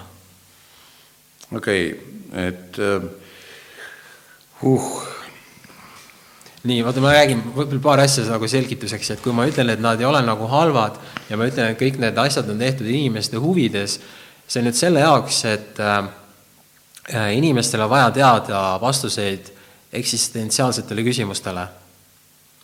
no jah. Jah, ja nüüd see süsteem annab need vastused neile. ja see vastus ei pea olema üldse tõsi, sest et ta on nagu, on ära tõestatud katsete alusel, et inimesed eelistavad ajuvabasi vastuseid sellele, et vastust pole üldse. ja sellepärast nüüd need oota, ütle uuesti, inimesed eelistavad ajuvaba vastust jaa, okei. sellele, et vastust üldse pole nii, aga vastuseid on ju ja rohkem kui, kui küll, et no ütleme, kui enamus inimesed, nemad peavad teadma oma sisimuses, kes nad on, kus nad on, kuidas nad siia said. no elas, elas juba nüüd siis peaaegu tuhat aastat tagasi niisugune vend nagu William Occamist, ehk siis me tunneme niisugust printsiipi nagu Occam's razor mm, -hmm. Et Occami aevanuga, mis seisneb selles, et, et noh, et, et kui on valida kas keeruline või, või lihtne, et siis on mõistlik lihtne vastus valida mm. -hmm. et ku, kuidas sa nagu seda selles kontekstis näed, kui sul on juba vandenõuteooriad on juba no võtamegi selle, võtamegi selle kõige lihtsama Occam's Razor kõige lihtsam variant oli nii, et seal neid hukkunuid ei olnud ja hoone oli seest tühi. See on kõikidest kõige see lihtsam. sinu silmis Occam's Razori järgi kõige simplim vastus sellele. mitte, mitte see, et eh, pauk käis ja lasti see maja see on nagu palju keerulisem on tappa päris inimesed ära, palju keerulisem on hävitada sada kümme korrust. sa leiad, et on lihtne New Yorgis ehitada ja hoida püsti tühja kahte kõrghoonet eh, niimoodi, nii et keegi ei tea? kas Äh, tõesti usud seda? Äh, Jaa, usun küll, sellepärast et äh, me nägime, et seal ei olnud rususid, see hoone saigi ainult tühi olla. Ei no ta, aga miks ta ei võinud eh, tolmustuda, nagu need teised siis vandenõuteoreetikud väidavad? sellepärast, et meil ei ole ühtegi tõestust selle kohta. Need videod on võltsitud. oota, aga mille, kas selle kohta on, et tühi oli? no selles, meil on nii palju, et hukkunud ei ole. Need hukkunud, kes on, on simuleeritud ohvrid. no aga need tüübid, kes selle ehitasid ja kes anna, on andnud intervjuusid ja et, et kuidas nad selle ehitasid ja seal sees olid veel eraldi teraskonstruktsioonid, mis noh, ülimalt vastupidavad, kus need liftisšahtid olid ja kõik need korrused ja need inimesed, kes helistasid välja sealt ja hüppasid Jaa. akendest, need kaadrid ja Need kaadrid on kõik võltsitud, need kogu see Jaa. kommunikatsioon, need omaks, need telefonikõned, kõik mm. -hmm. kõik, kõik see mm -hmm. materjal mm, -hmm. Esiteks need aknad ei käinud lahti, sealt ei saanud keegi välja hüpata. pilvelõhkujatel need niisugused aknad ei no käigi lahti. viskas tooliga puruks ja hüppas, no et, et Need telefonikõned, üks kõne on selline, kus inimene helistab, see oli nüüd küll mitte tornist, aga kaaperdatud, no nii-öelda kaaperdatud lennukist, tegelikult neid lennukeid ka ei olnud, seal ei olnud hukkunuid ka. aga ühesõnaga üks kõne, mis on antud nagu siis nagu meile, inimestele kuulata, on niisugune, kus helistab, et tere ema, et ma olen siin, mu nimi on John, mis iganes, ütleb oma ees- ja perekonnanime. Et kuule, ma olen siin lennukis, et see lennuk on kaaperdatud. aga vaata, keegi meist ei helista oma emale või isale, ütle oma päris nime, kui sa helistad oma emale või isale see lihtsalt öeldi, see nimi pandi sinna sellepärast maha, et oleks teada, et näed, nüüd see oli see ametlik hukkunu, seda nime saab hiljem keerutada korduvalt, sest me teame, et see telefonikõne on olemas. aga tegelikult need on kõik simuleeritud ohvrid ja see ongi Occam's razor, sul on lihtsam teha tühi hoone ja tõmmata see alla. see ma nüüd nagunii ei jõua hüpelda, et, et, et sa rääkisid see, ilmselt see Pennsylvanias alla kukkunud lennukist käis jutt, et, et sealt, kus leidsid dokumendid, aga lennukit ennast Lennukit ei olnud. ei olnud, aga dokumendid olid. jah, need see... dokumendid, see on noh, ka teater nagu, et kuidas saab dokument äh, alles jääda ja lennuk ise ei jää alles. aga neid inimesi, mis neid, kelle dokumendid need olid, kes need olid? seal oli üks inimene, oli keegi nagu see, kas stjuardess või keegi nagu see crew ja teine dokument või keegi oli siis nagu üks kaaperdaja. Aga näed, tegelikult neid polnud olemaski või? Nad ei sõitnudki edasi tagasi, tähendab, mul on nagu tekib vaakum, et võib-olla sa aitad välja, et, et, et Vaata- kust maalt see siis pihta hakkab nüüd, et, et, et kirjelda mulle siis oma nägemus nüüd sellest nii-öelda sinu Occam's razor, et, et kellel, kellelgi tuli mõte teha mida no neil oli see sündmus vaja korraldada, eks ju. kolmkümmend kolm aastat tagasi. Ei, kolmkümmend kolm aastat peale tornide ehituse algust tõmmati tornid alla. torne hakati ehitama kuuskümmend kaheksa, kaks tuhat üks tõmmati need alla. nii nii, kuidas see tehti, see oli niimoodi, et tornid olid sees tühjad, nad ehitati teadmisega, et tõmmatakse alla, sinna oli sisse paigutatud, no ma räägin, kuidas mina saan aru, eks ju. sinna oli sisse paigutatud eelnevalt juba nüüd vajalikud need mis iganes plahvatust tekitavad asjad. lepime kokku, et ma võin sekku, noh, see on ebaviisakas, aga lihtsalt muidu ma ei, pärast ei jõua järele. Jaa, kus- et, kuskil on et, midagi. et on äh, ehitusbrigaad, päris suur mm, -hmm. ettevõte lausa mm, -hmm. kes nüüd ehitab maja, mis on juba ette teada, et, et tegelikult seal sees hakkab olema hoopis midagi muud, kui räägitakse. eeldab juba mingi mitu tuhat inimest. ei. palju seda või noh, kuidas see juba no ütleme võib-olla sada inimest, sest sul ei ole nii palju kor-, korruseid vaja ehitada, sa ehitad põhimõtteliselt tühja konstruktsiooni, sa paned nagu lego kokku niimoodi, et keegi ei pane tähele, see on blank ümber lihtsalt ja inimesed ei no kui see, kui meil on olemas äh, videod ja pildid sellest, kui hoone ehitati, see tundubki üpris tühi, kui sa nüüd vaatad seda uue pilguga. vaata, kui sa ei oska mõelda selle peale, et see hoone on seest tühi, siis sa vaatad, aa, ehitus käib. aga kui sa nüüd, mine vaata, kui sa nüüd vaatad uuesti neid ehitusvideoid, siis ta tundubki üpris nagu tühi tegelikult. ma ise ka ei pannud seda algust tähele, sest ma ei vaadanud seda niisuguse pilguga ja ma mõtlen praegu, et, et sul lehel on ka üks, üks väga huvitav artikkel skisofreenia kohta, et, et, et see räägib seda, kuidas, et kui inimene kohtub äh, paralleeluniversumis iseendaga, siis arstid panevad diagnoosiks skisofreenia. et, et, et mulle hakkab tunduma, et, et, et kas sulle paistab, et see maailm, et, et, et äkki, äkki see on, äkki sa räägid see, noh, sama asja, et, et on mingid kaksiktornid mis on ühes teises universumis, mis on sees tühjad olid ja mis õhku lendasid ja siis on ühed kaksiktornid veel kuskil. ja ma ei välista seda varianti, sest et ma olen kogenud ise huvitavaid nagu siis kehaväliseid kogemusi ja äh, lucid dreaming ut ja igasuguseid niisuguseid asju ja ma ei ole esimene ja kindlasti mitte viimane, kes äh, arvab, et äh, ongi erinevad reaalsused üheaegselt. oota, sa tegeled joogaga ka, ma saan aru mm, -hmm. et, et räägi, kas see on seotud sellega? ei ole. ei ole mm? -mm okei okay.. aga ütleme siis äh, äh, kui me räägime nine elevenist, siis ma, mina lähtun asitõenditest. asitõendid on, et hukkunud olid lavastatud, asitõendid on, et need kaadrid on võltsitud, me sellest, me ei ole veel sellest rääk-, rääkinud, et need kaadrid on võltsitud. see on igasuguseid klitše ja Photoshop'e ja värki on no sellest on netis jälle murdude viisi ja. neid äh, videosid, mis on võltsitud ja, ja seletusi, miks on võltsitud mm -hmm. ja, ja noh mm -hmm., neid on vist ikka väga palju seal. jaa, ühesõnaga kolm peamist asja, hukkunud on võltsitud, victim raport, simulated victims, need ei kajastunud rahvastikuregistris. videod on võltsitud, kolmas, rususi ei olnud. kolm asja, kui sa sellest saad aru, siis rohkem pole vaja okei okay,, et ja Pentagoni lasti rakett, ma saan aru, jah? no võib-olla pandi lihtsalt pomm, sest meil ei ole ühtegi videot ega pilti. lihtsalt mingi, mingi pilt on, kus lihtsalt mingi valge suitsu mingi pilv. see võib olla ükskõik mis asi. nii, ja siis kogu asja mõte on selles, et saaks äh, sealt, äh, kuhu nad vägedega sisse läksid, naftat pumbata. no see on nagu niisugune peamine, ütleme, mitte peamine, vaid väline põhjus. oota, mis see tegelik põhjus siis võiks no, no siis läheb väga tiibiks see story. ei no aga me jõuame, kas ma saan aru, et me jõuame lõpuks selleni välja, et maa, maakera elanikkond on vaja vähendada poole miljardini, et kas see on nagu see lõplik eesmärk? ei, ma ei usu seda. Nendel headel inimestel? ma ei usu seda üldse, et seda on vaja vähendada, vaid ma arvan, et võib-olla meid ongi ainult pool miljardit. on nii, niimoodi kohe? ma ei välista seda uh ma võin igas suunas minna. ei, ei ma mõtlengi, et kus suunas minna, et on sul ettepanekuid, et et, et millest sul nagu, mul materjal otsas.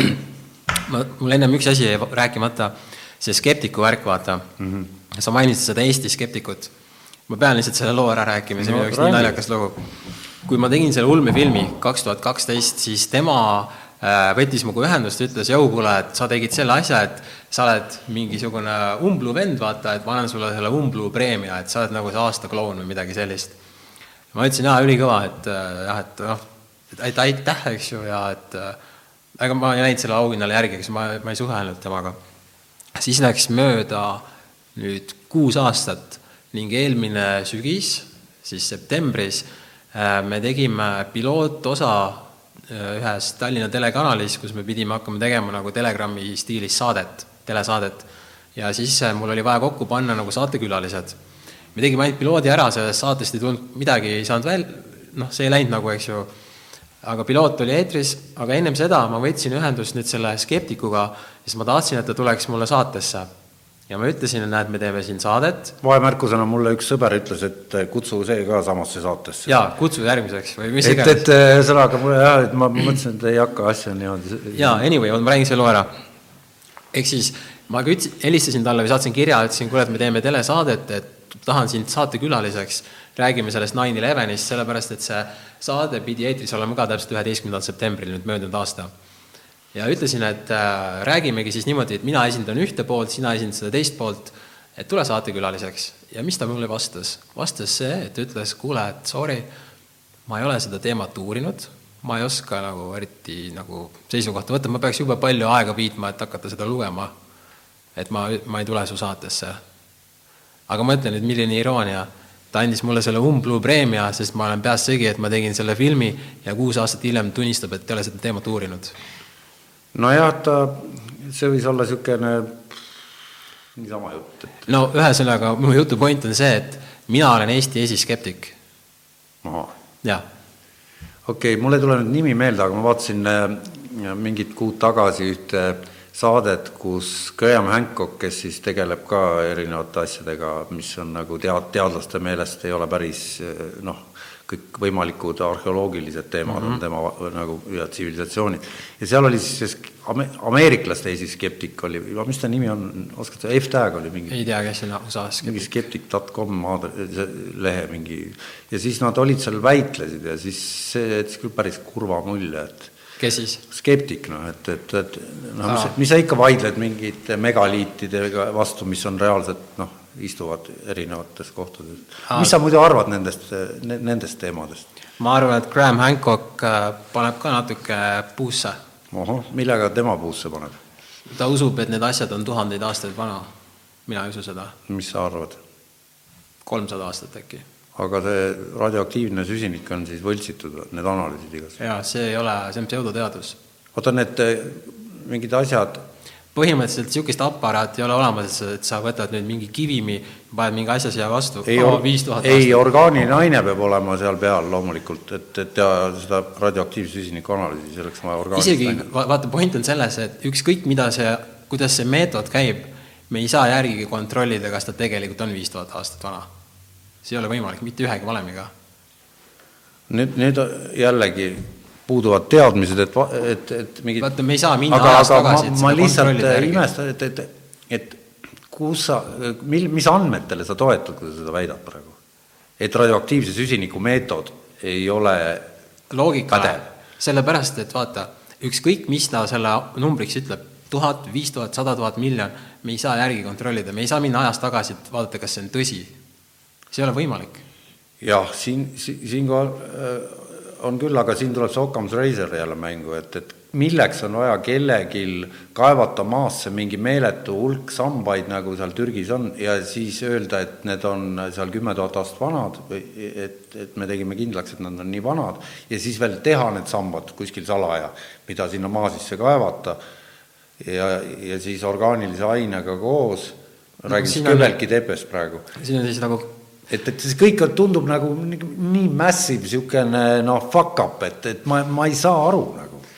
no vaata, siin on nüüd erinevad variandid, üks variant on see, et äh, on inimestele vaja vastused, vastus, kust me oleme, kaua me oleme siin olnud ja nii edasi. kui sa ütled, et näed, et siin me avastasime mingid vanad linnad, mis on kümneid tuhandeid aastaid vanu, vana, mõni on võib-olla sada tuhat aastat vana siis inimesed saavad kinnitust sellele, et inimkond on siin olnud miljoneid aastaid, võib-olla isegi miljardeid, eks ju, või vähemalt ütleme, see jutumärkides planeet, kus me oleme, et see on miljardid aastat vana. tegelikult meil puuduvad absoluutselt igasugused asjatõendid, see vastaks vähegagi tõele. ja vaata, ma ennem ütlesin, et ma pakun, et see võib olla ainult kolmsada aastat vana. sellepärast, et me ei leia ühtegi dokumenti, mis oleks vanem kui kolmsada aastat vana oota, mis sa nüüd vaidled vastu kõikvõimalikud reaalsed paberdokumendid, mis on vanemad kui kolmsada aastat, on siis mis asjad? näiteks kui me lähme Vana-Kreekasse, siis seal on niisugune tegelane nagu Herodotos, keda ja, ja. peetakse ajaloo isaks. nüüd tema seal, tema on kirjutanud niisuguse raamatu nagu Historia, Historia, mis no. tähendab siis nagu ajalugu, eks ja. ju ja nüüd sellest raamatust põhimõtteliselt tulevad kõik lood Platonist, kõik, kõik, kõik need põhinimed, eks ju, kes sul seal olid. aga nüüd, kui sa hakkad vaatama, et kui vana see raamat on, siis kõige vanem dokument, mis sa üles leiad, on kuskil kakssada, kakssada viiskümmend aastat. oota, mis see Descartes, kuidas tema nagu, ta, ta oli natuke enne? tead, ma ei ole, ta ei kirjutanud või? ma ei ole temast lugenud, ma ei ei oska no ükskõik, kes sel ajal elas valguse ajal, võta üks- Ma ütlengi, et sa ei leia- tonnide viisi kirjandust ja, ja jah, ja need kirjandused on kõik umbes kakssada aastat vanad. uh, oota. piibel, piibel on ei samuti okei okay,, unustame piibli, aga võtame reaalselt noh, Shakespeare, okei okay,, tema üle ka vaieldakse, no ma ei tea, Marlowe, noh, tähendab no, need no seda on nii palju. Hendrik tuhat kakssada paberit, kõik on olemas. Läti Hendrik päris huvitav, ma hakkasin seda hiljuti uurima No. et see mm,, ma nüüd, kuna see on mul veel pooleli, ma ei ole nagu, mul ei ole kõik need numbrid peas, aga see Läti Hendriku raamat on ka umbes kakssada aastat vana. oota, tähendab, sulle tundub, et on Occami habemenoa järgi on palju lihtsam vastus ja, ja palju lihtsamini seletatav, et kõik need raamatud, mis meil on, ei ole vanemad kui kakssada aastat, kui see, et nad on nii vanad, kui räägitakse, et nad on. ehk siis hauakivide peal on kirjanike nimed, need on kõik feigitud, kõik kogu see hauakivid on väga huvitav, mine vaata Tallinnas või kus iganes, mis on kõige vanem haud, mis sa leiad? puh, kurat, ma ei tea, kakssada aastat üle kahesaja ei leia eriti midagi. oota, sul on mingi kahesaja aasta on piir umbes jah, kakssada kuni kolmsada umbes, seal läheb väga häguseks, sealt kõik ülejäänud on äh, asi, mida ei saa mitte ühtegi asja üle kontrollida. Egiptoloogia kui teadus sündis tuhat seitsesada üheksakümmend aastatel, ehk siis umbes kakssada aastat tagasi. ennem seda ei olnud mitte ühtegi märget, et kuskil oleks olemas püramiidid või Egiptus üldse. oota, püramiidid on siis millal ehitatud? ma ei tea, millal nad ehitatud on, aga kõige esimene märge nendest on umbes kakssada aastat oota, tähendab, kakssada aastat ikkagi on äh, nagu reaalne, nagu siis. No kui ütleme, vaata, ma ütlen, et mina lähtun väga skeptilisest sellest nagu suunast, eks ju. kui nad ütlevad, mingi asi on kümme tuhat aastat vana, siis ma lähen uurin, et mille põhjal nad seda ütlevad. Lähme, paneme, lööme sisse püramiidid, ütleme Vikipeedia, eks ju, või vahet ei ole, mis asja. lööd selle sõna sinna sisse ja vaatad, sa all on need kirjas need, kus need pärit see info on. mingi raamat on välja antud kaks tuhat aastal, mingi aasta raamat on tuhat üheksasada võib-olla hmm. nii, ja kui sa nüüd võtad selle Herodotose, kes on ajaloo isa, nüüd kõige vanem raamat, mis sa leiad, on kuskil tuhat kaheksasada viiskümmend. samamoodi, kust sa võtad, et piibel, mitte sina, vaid no ütleme, üleüldiselt inimesed ütlevad, et piibel on tuhandeid aastaid vana. nii, kust nad no võtavad mitte ainult piiblist, noh, siin on nagu neid, jumal hoidku seda, seda materjali on äh, tähendab, võta ükskõik milline asi, mis sa arvad, et on tuhandeid aastaid vana. ükskõik mis asi. nüüd hakka uurima, mille põhjal nad seda arvavad. Ja nüüd, kui nad ütlevad, et kuskil on mingi raamat ja seal on kirjas, siis mine otsi see raamat ülesse. nii, kui sa leiad selle raamatu ülesse, siis sa mõtled, kuskohast see raamat selle info sai. oota, nüüd, nüüd me jõuame nagu sellisesse punkti, kus mul noh, tundub nagu täiesti mõttetu vastuväiteid esitada, sellepärast et ma olen nagu ausalt öeldes pahviks löödud, et, et, et kas, oota, ma küsin siis kohe selle ära, et kas sa pooldad seda Matrixi teooriat, et me elame nagu Matrixis mingisuguses teis-, illusioon, illusoorses maailmas, et, et tähendab, ma ei tea, mis koht see on. see kindlasti ei ole pöörlev pall kosmoses. no kui mingi plaat lendab, okei okay,, selles me oleme ühel nõul, et siin praegu selles toas on nagu suhteliselt lame see pind mm. -hmm. et me saame kõndida. et, et silmapiirini noh, nii palju kui paistab, noh, on ka suhteliselt si sile mm. -hmm. et, et see on nagu selline asi, millega me oleme mõlemad nõus, eks. et aga mis sealt edasi nüüd selle ümber käib, siis jutt, et kui ma läheks, kurat, mul ei ole siin ühtegi vanemat ühesõnaga, kui noh, sa oled ju käes hoidnud raamatuid, mis on väidetavalt vanemad kui kakssada aastat, et ei ole. Kus ma siukse raamatu pidin saama? mina olen, need kirikuraamatud on ju ikkagi mingi kaheksateist sajand, neid on ikka, ma olen ise neid seal no ma, mina ei ole niisugust raamatut käes hoidnud, ma ei vä- välista, et nad on olemas. aga kui sa ikkagi hakkad uurima, kõige vanem raamat umbes kakssada viiskümmend, kolmsada aastat. siin kas kellelgi on saalis midagi aidata mind selles suhtes, et raamatute koha pealt, et minul on tuhat seitsesada kaheksakümmend. noh, see teebki umbes kakssada viiskümmend aastat, jah. et kas võib ka et ma olen sunnitud tunnistama, et ma olen aja, hariduselt ajaloolane, kõige vanemad raamatud, mida ma käes hoidnud olen, on tõepoolest kaheksateistkümnenda sajandi lõpust. sellepärast, et veel varemad raamatud on tõepoolest väga haruldased ja neid niisama kätte ei saa, sa pead erifondidesse minema. aga mõtle, ma eeldan, et sa oled näiteks Roomas käinud, Itaalias, Napolis, Kreekas äh,, Akropolist näinud et kas sa tõesti usud, et need templivaremed on paarsada aastat tagasi ehitatud? näiteks Roomas on väga palju näha, Kreekas tuleb seda vähem välja, aga Itaalias, eriti Roomas, väga palju on näha, et on kuskil hiliskeskajal või varauusajal ehk siis kuusteist, seitseteist sajand ehitatud kirikuid, muid hooneid, kus on kasutatud ja see on hästi teada, noh, päris antiikaja ehk siis aastatuhandete vanuste hoonete sambaid, noh, kõike seda. eks see, mida sa väidad, see tähendab, et noh, tegemist on mingisuguse totaalse võltsinguga et aastasadu või tuhandeid on noh, kümned, sajad tuhanded, ilmselt miljonid ääretult intelligentsed, ääretult osavad käsitöölised ehitanud lakkamatult võltsinguid. kas sa arvad, et meie vana linn Toompea loss on ehitatud kakssada aastat tagasi? ma ei pea silmas seda lossihoonet, seda roosat, see ongi umbes sellest ajast, aga see varem, seal oli Pikk Hermann ja, ja kõik need. sest see, see roosa hoone, kus on praegu nii-öelda mitte päris isegi Riigikogu, vaid see, mis seal nagu Lossi platsil on, see on tõepoolest kaheksateistkümnenda sajandi ehitatud kas sa ei arva, et näiteks need ülejäänud hooned on juhtumisi natuke vanemad? Nad võivad olla natuke vanemad, aga meil puuduvad selle kohta asitõendid. meil puuduvad selle kohta asitõendid.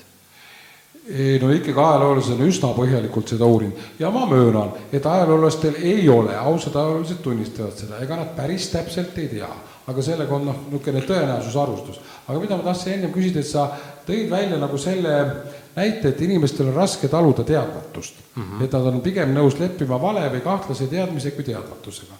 ja ma olen nõus, et see psühholoogiliselt nii on. kuidas sina sellega toime tuled? sa kahtled nagu absoluut, absoluutselt kõiges. kuidas sa hakkama saad sellega mm,? ma olen sellega nagu, kuidas öelda, rahu teinud, algselt see see oli segadust tekitav, aga vaata, ma ei jõudnud sinna sellisesse nagu teadmatusse äh, nagu esimese asjana, mu esimene, kuhu ma jõudsin, oli see üheksa üksteist ja Apollo ja kõik need asjad, eks ju. kui sa saad aru, et see, need on fake, siis sealt edasi minna sinna, et nüüd see ametlik lugu tuhandetest aastatest on ka fake, see ei ole enam niivõrd segane minu jaoks. ja see on isegi päris, kuidas öelda, see on nagu maagiline tunne, kui see sulle kohale jõuab, et tegelikult me ei tea üldse, kus me oleme. Et see on nagu huvitav tunne tegelikult ja minu jaoks, minul on see väga okei okay sest vaata, ütlen ühe asja veel, et seal on see teema, et siis kaob ära see hirm, mis enamus inimestel on, et et vaata, enamus inimesed arvavad, et siin on võimalik surma saada kohe. olgu selleks terroristid, olgu selleks meteoriidid või mis iganes asjad. minu jaoks need asjad on kõik ära pühitud, neid ei ole olemas. üks teine isiklik oota, oota. oota, kas sa oled lugenud näiteks Rene Descartesi, tuntud Cartesiuse nime all? Ei ole. et sa oled tegelikult niisugune, võiks öelda, proto ehk eelteadlane sest see on kogu teaduse lähtepunkt Cartesiusest ehk Descartesist prantsusepäraselt, oli prantslane, et tema teaduse lähtepunkt on kahtlemine absoluutselt kõiges. täpselt samamoodi, kas sa oled lugenud näiteks Popperi, Karl Popperi kõige tuntuma, ilmselt tänapäevase kõige mõjuvõimsama teatud teadusfilosoofi, äh, kas või seda lihtsat teksti teadmine ilma autoriteedita. ei ole lugenud aga loe, see on eesti keeles olemas, Akadeemias ilmunud kuskil üheksakümnendate alguses, see on äh, netist kättesaadav Tigari läbi okay.. et sul on tegelikult väga eluterve suhtumine, see ongi teaduse lähtepunkt, kahelda absoluutselt kõiges, ka iseenda olemasolus või selles, mida me näeme mm. -hmm. ainult et sellest lähtepunktist ongi ju tegelikult see tänapäeva teadus üles ehitatud. teadlased on, kes ühes, kes teises vallas, ajaloolased, arheoloogid, on niimoodi millimeeter haaval mõõtnud neid ja, ja teisi asju ja jõudnud nende teatavate tulemusteni, mis kõlavad üsna tõenäoliselt. et see Popperi artikkel Teadmine autoriteedita vihjabki sellele, et me päris täpselt ei teagi midagi. ei no see on sa loed, et päris täpselt see, see... Äh, Popperi artikkel, see on mingi sul muutub see asi loenguks juba et oli sul küsimus ka? ma tahtsin küsida, et kui küsimus oli see, et, et, äh, et kuidas sina siis selle niisuguse absoluutse teadmatusega toime tuled? Mind ei häiri see üldse. ei tule, aga sina tuled. jaa, mul on see väga okei okay. aga ütleme, kui sa noh, sa ilmselt jälgid uudiseid. mitte et... väga mitte väga. aga noh, loed midagi või no, no midagi ikka, selles teaduskirjandust huvi pärast ikka lappad mõnda National no, mida, midagi lappan, aga üldjuhul on nii, et see minu jaoks enamus need uudised on muinasjutud või siis lihtsalt äh, ebavajalik prügi.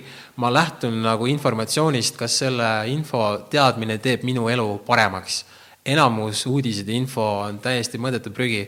mul ei ole näiteks kakskümmend aastat kodus olnud telekat. no ei, no seda, sellest ma saan aru, aga et maakuju, kuidas see muudab su elu reaalsust, ei muuda ju midagi. on ta lapik, on ta ümar või kolmnurkne, mis vahet seal on?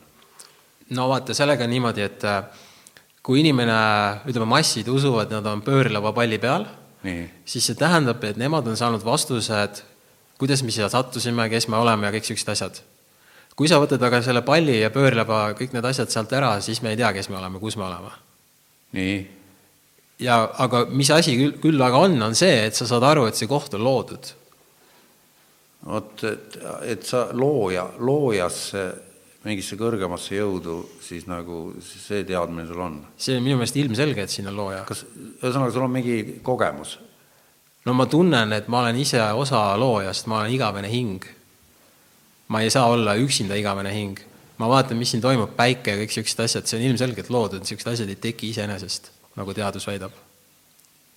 okei okay,, ja, ja, ja paarsada aastat tagasi? Ei, see on nüüd eraldi lugu, ma räägin, et me saame minna ajas tagasi, kontrollida asju järgi umbes kakssada, kolmsada aastat.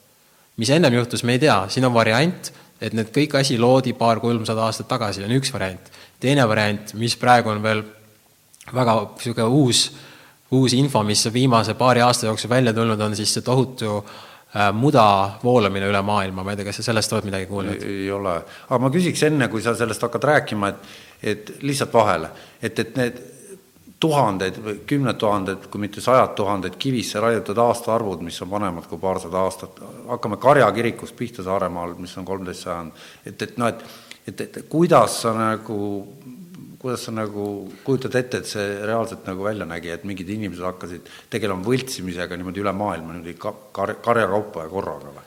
Vaat ma ei tea, kuidas sellest aru, noh, sellest loogikast ma püüan aru saada et.... tähendab, ma räägin, et ma ei saa aru, ma ei tea, kuidas see on, ma räägin sellest, et me ei saa üle kontrollida rohkem kui kolm, kolmsada aastat. mis ennem oli või kuidas see tekkis sa ei usalda ei neid andmeid, mida sa näed oma silmaga, kui ei, on kivisse raiutud mingisugune number, aastaarv, mis on vanem, siis sa juba eeldad, et see on võltsing. ei, ma ei, ma ei eelda, et ta on võltsing, vaid ma, ma ütlen, et ma ei saa järgi kontrollida, millal ta päriselt sinna raiuti. ei no aga kuskil on nagu mingi tervemõistuslik selline noh, loogika või? ei no vaata, kui kuskil on kirjutatud, et see on aastast tuhat kuussada, siis selle võis sinna raiuda ka eile keegi. ei no kindlasti, aga kui neid on lihtsalt nii kohutavalt palju, siis ma ei näe isegi ühe inimese motiivi raiuda nagu kivisse näiteks äh, täna numbrit tuhat kuussada, selleks, et keegi arvaks, et see kivi on aastast tuhat kuussada, et nagu ja, ja seda ühe inimese puhul isegi ma ei kujuta ette, aga nüüd võtta nüüd kõik see, mis on üle maailma planeedi nagu, mis on jäädvustatud numbritena, faktidena, et see kõik on tehtud nüüd paaris aastaga, see tundub lihtsalt noh, arulage, ütleme otse välja. no vaata, siin ongi see, et äh, ma ei tea, mis on need motiivid, sest mina ei olnud see, kes selle tegi. ma saan äh, spekuleerida, eks ju aga see on ka enam-vähem kõik. aga ikkagi, mis sind kahtlema pani, mis pani sind seda, kogu seda asja niimoodi nägema, sest see ei ole kerge ju tõesti, noh et et, et see on ikkagi ju, sul on siis maailmapilt on täiesti teine mm. -hmm. sa näed asju täiesti teises perspektiivis mm. -hmm. ajalugu ei eksisteeri, teadus sisuliselt ka mitte. ei, ma ei, ma ei väida seda. ma väidan seda, et me ei saa üle kontrollida neid asju, mis nad meile väidavad no, ja, ja me saame tõestada, et nii mõnigi asi on ilmselge lavastus, nagu üheksa üksteist või Apollo kuu missioonid. Need me saame tõestada. see, see on asi mis see meile annab, kui me midagi sellist tõestame, kui, kui see kõik on nii, nagu sa räägid, et, et vapsee kõik on no ütleme, kui ma räägin endast, mis ta mulle annab, niisuguse asja uurimine, see annab mulle energiat, ütleme siis nii. see on minu jaoks meelelahutus kõige paremal tasemel. ma ei viitsi telekat vaadata, need filmid, mis iganes, see on minu jaoks igav et no., et mulle meeldib lugeda. aga see on ikkagi niisugune mingisugune jah, põnevus on. ta on põnevus, ma üldse ja ei, uudishimu on, noh, ma olen ka väga uudishimulik, et, et ma, mind väga huvitab see, et miks sa et, et ma, et ma ütlen ausalt, et ma olen näinud igasuguseid inimesi oma elus, aga aga sa oled esimene, kes väidab, et kakssada aastat tagasi hakati noh, võltsima üle maakera asju. et, et noh, et, et seda saab tõestada, et seda on võltsitud umbes kakssada aastat tagasi tuldi välja niisuguse teooriaga nagu dinosaurused, mida ei ole ka mitte kunagi eksisteerinud minu jaoks. oota, kõik need igikeltsast välja tulnud mammutid, et need on, tähendab see teooria, et maakoor lihkus, see on juba selle, juba sellepärast mõttetu, et see toimus ka varem, et noh, et oleks pidanud toimuma varem. millega need saurused sinna igikeltsa sõidutati, mis on sealt nüüd välja kaevatud? tähendab, saurused on lavastus, neid ei ole kunagi olnud. aga mis nad, millest nad on, millest nad on valmistatud, need tähendab, kui sa lähed, kui sa lähed sinna muuseumisse, kus need skeletid on mm, -hmm. need on kõik nüüd äh, koopiad, nad ei ole kaevanud välja kunagi terve saurust, nad on leidnud ühe kondi siit, teise sealt, mis põhimõtteliselt näevad välja nagu ükskõik mis loomaluud ja nad panid kokku ja ütlesid, et nad saurus. jube töö ja vaimu närimine ja mis eesmärgil? saurused olid hädavajalikud selle jaoks, et äh, müüa massidele pähe mm, evolutsiooniteooria. Vaata, nad ütlevad, me arenesime ahvist aga tegelikult me ei ole kunagi näinud, et üks liik areneks kellegiks teiseks. nüüd selle jaoks nad ütlesid, näe, vaata, kunagi olid siin mingid saurused, järelikult on evolutsioon olemas.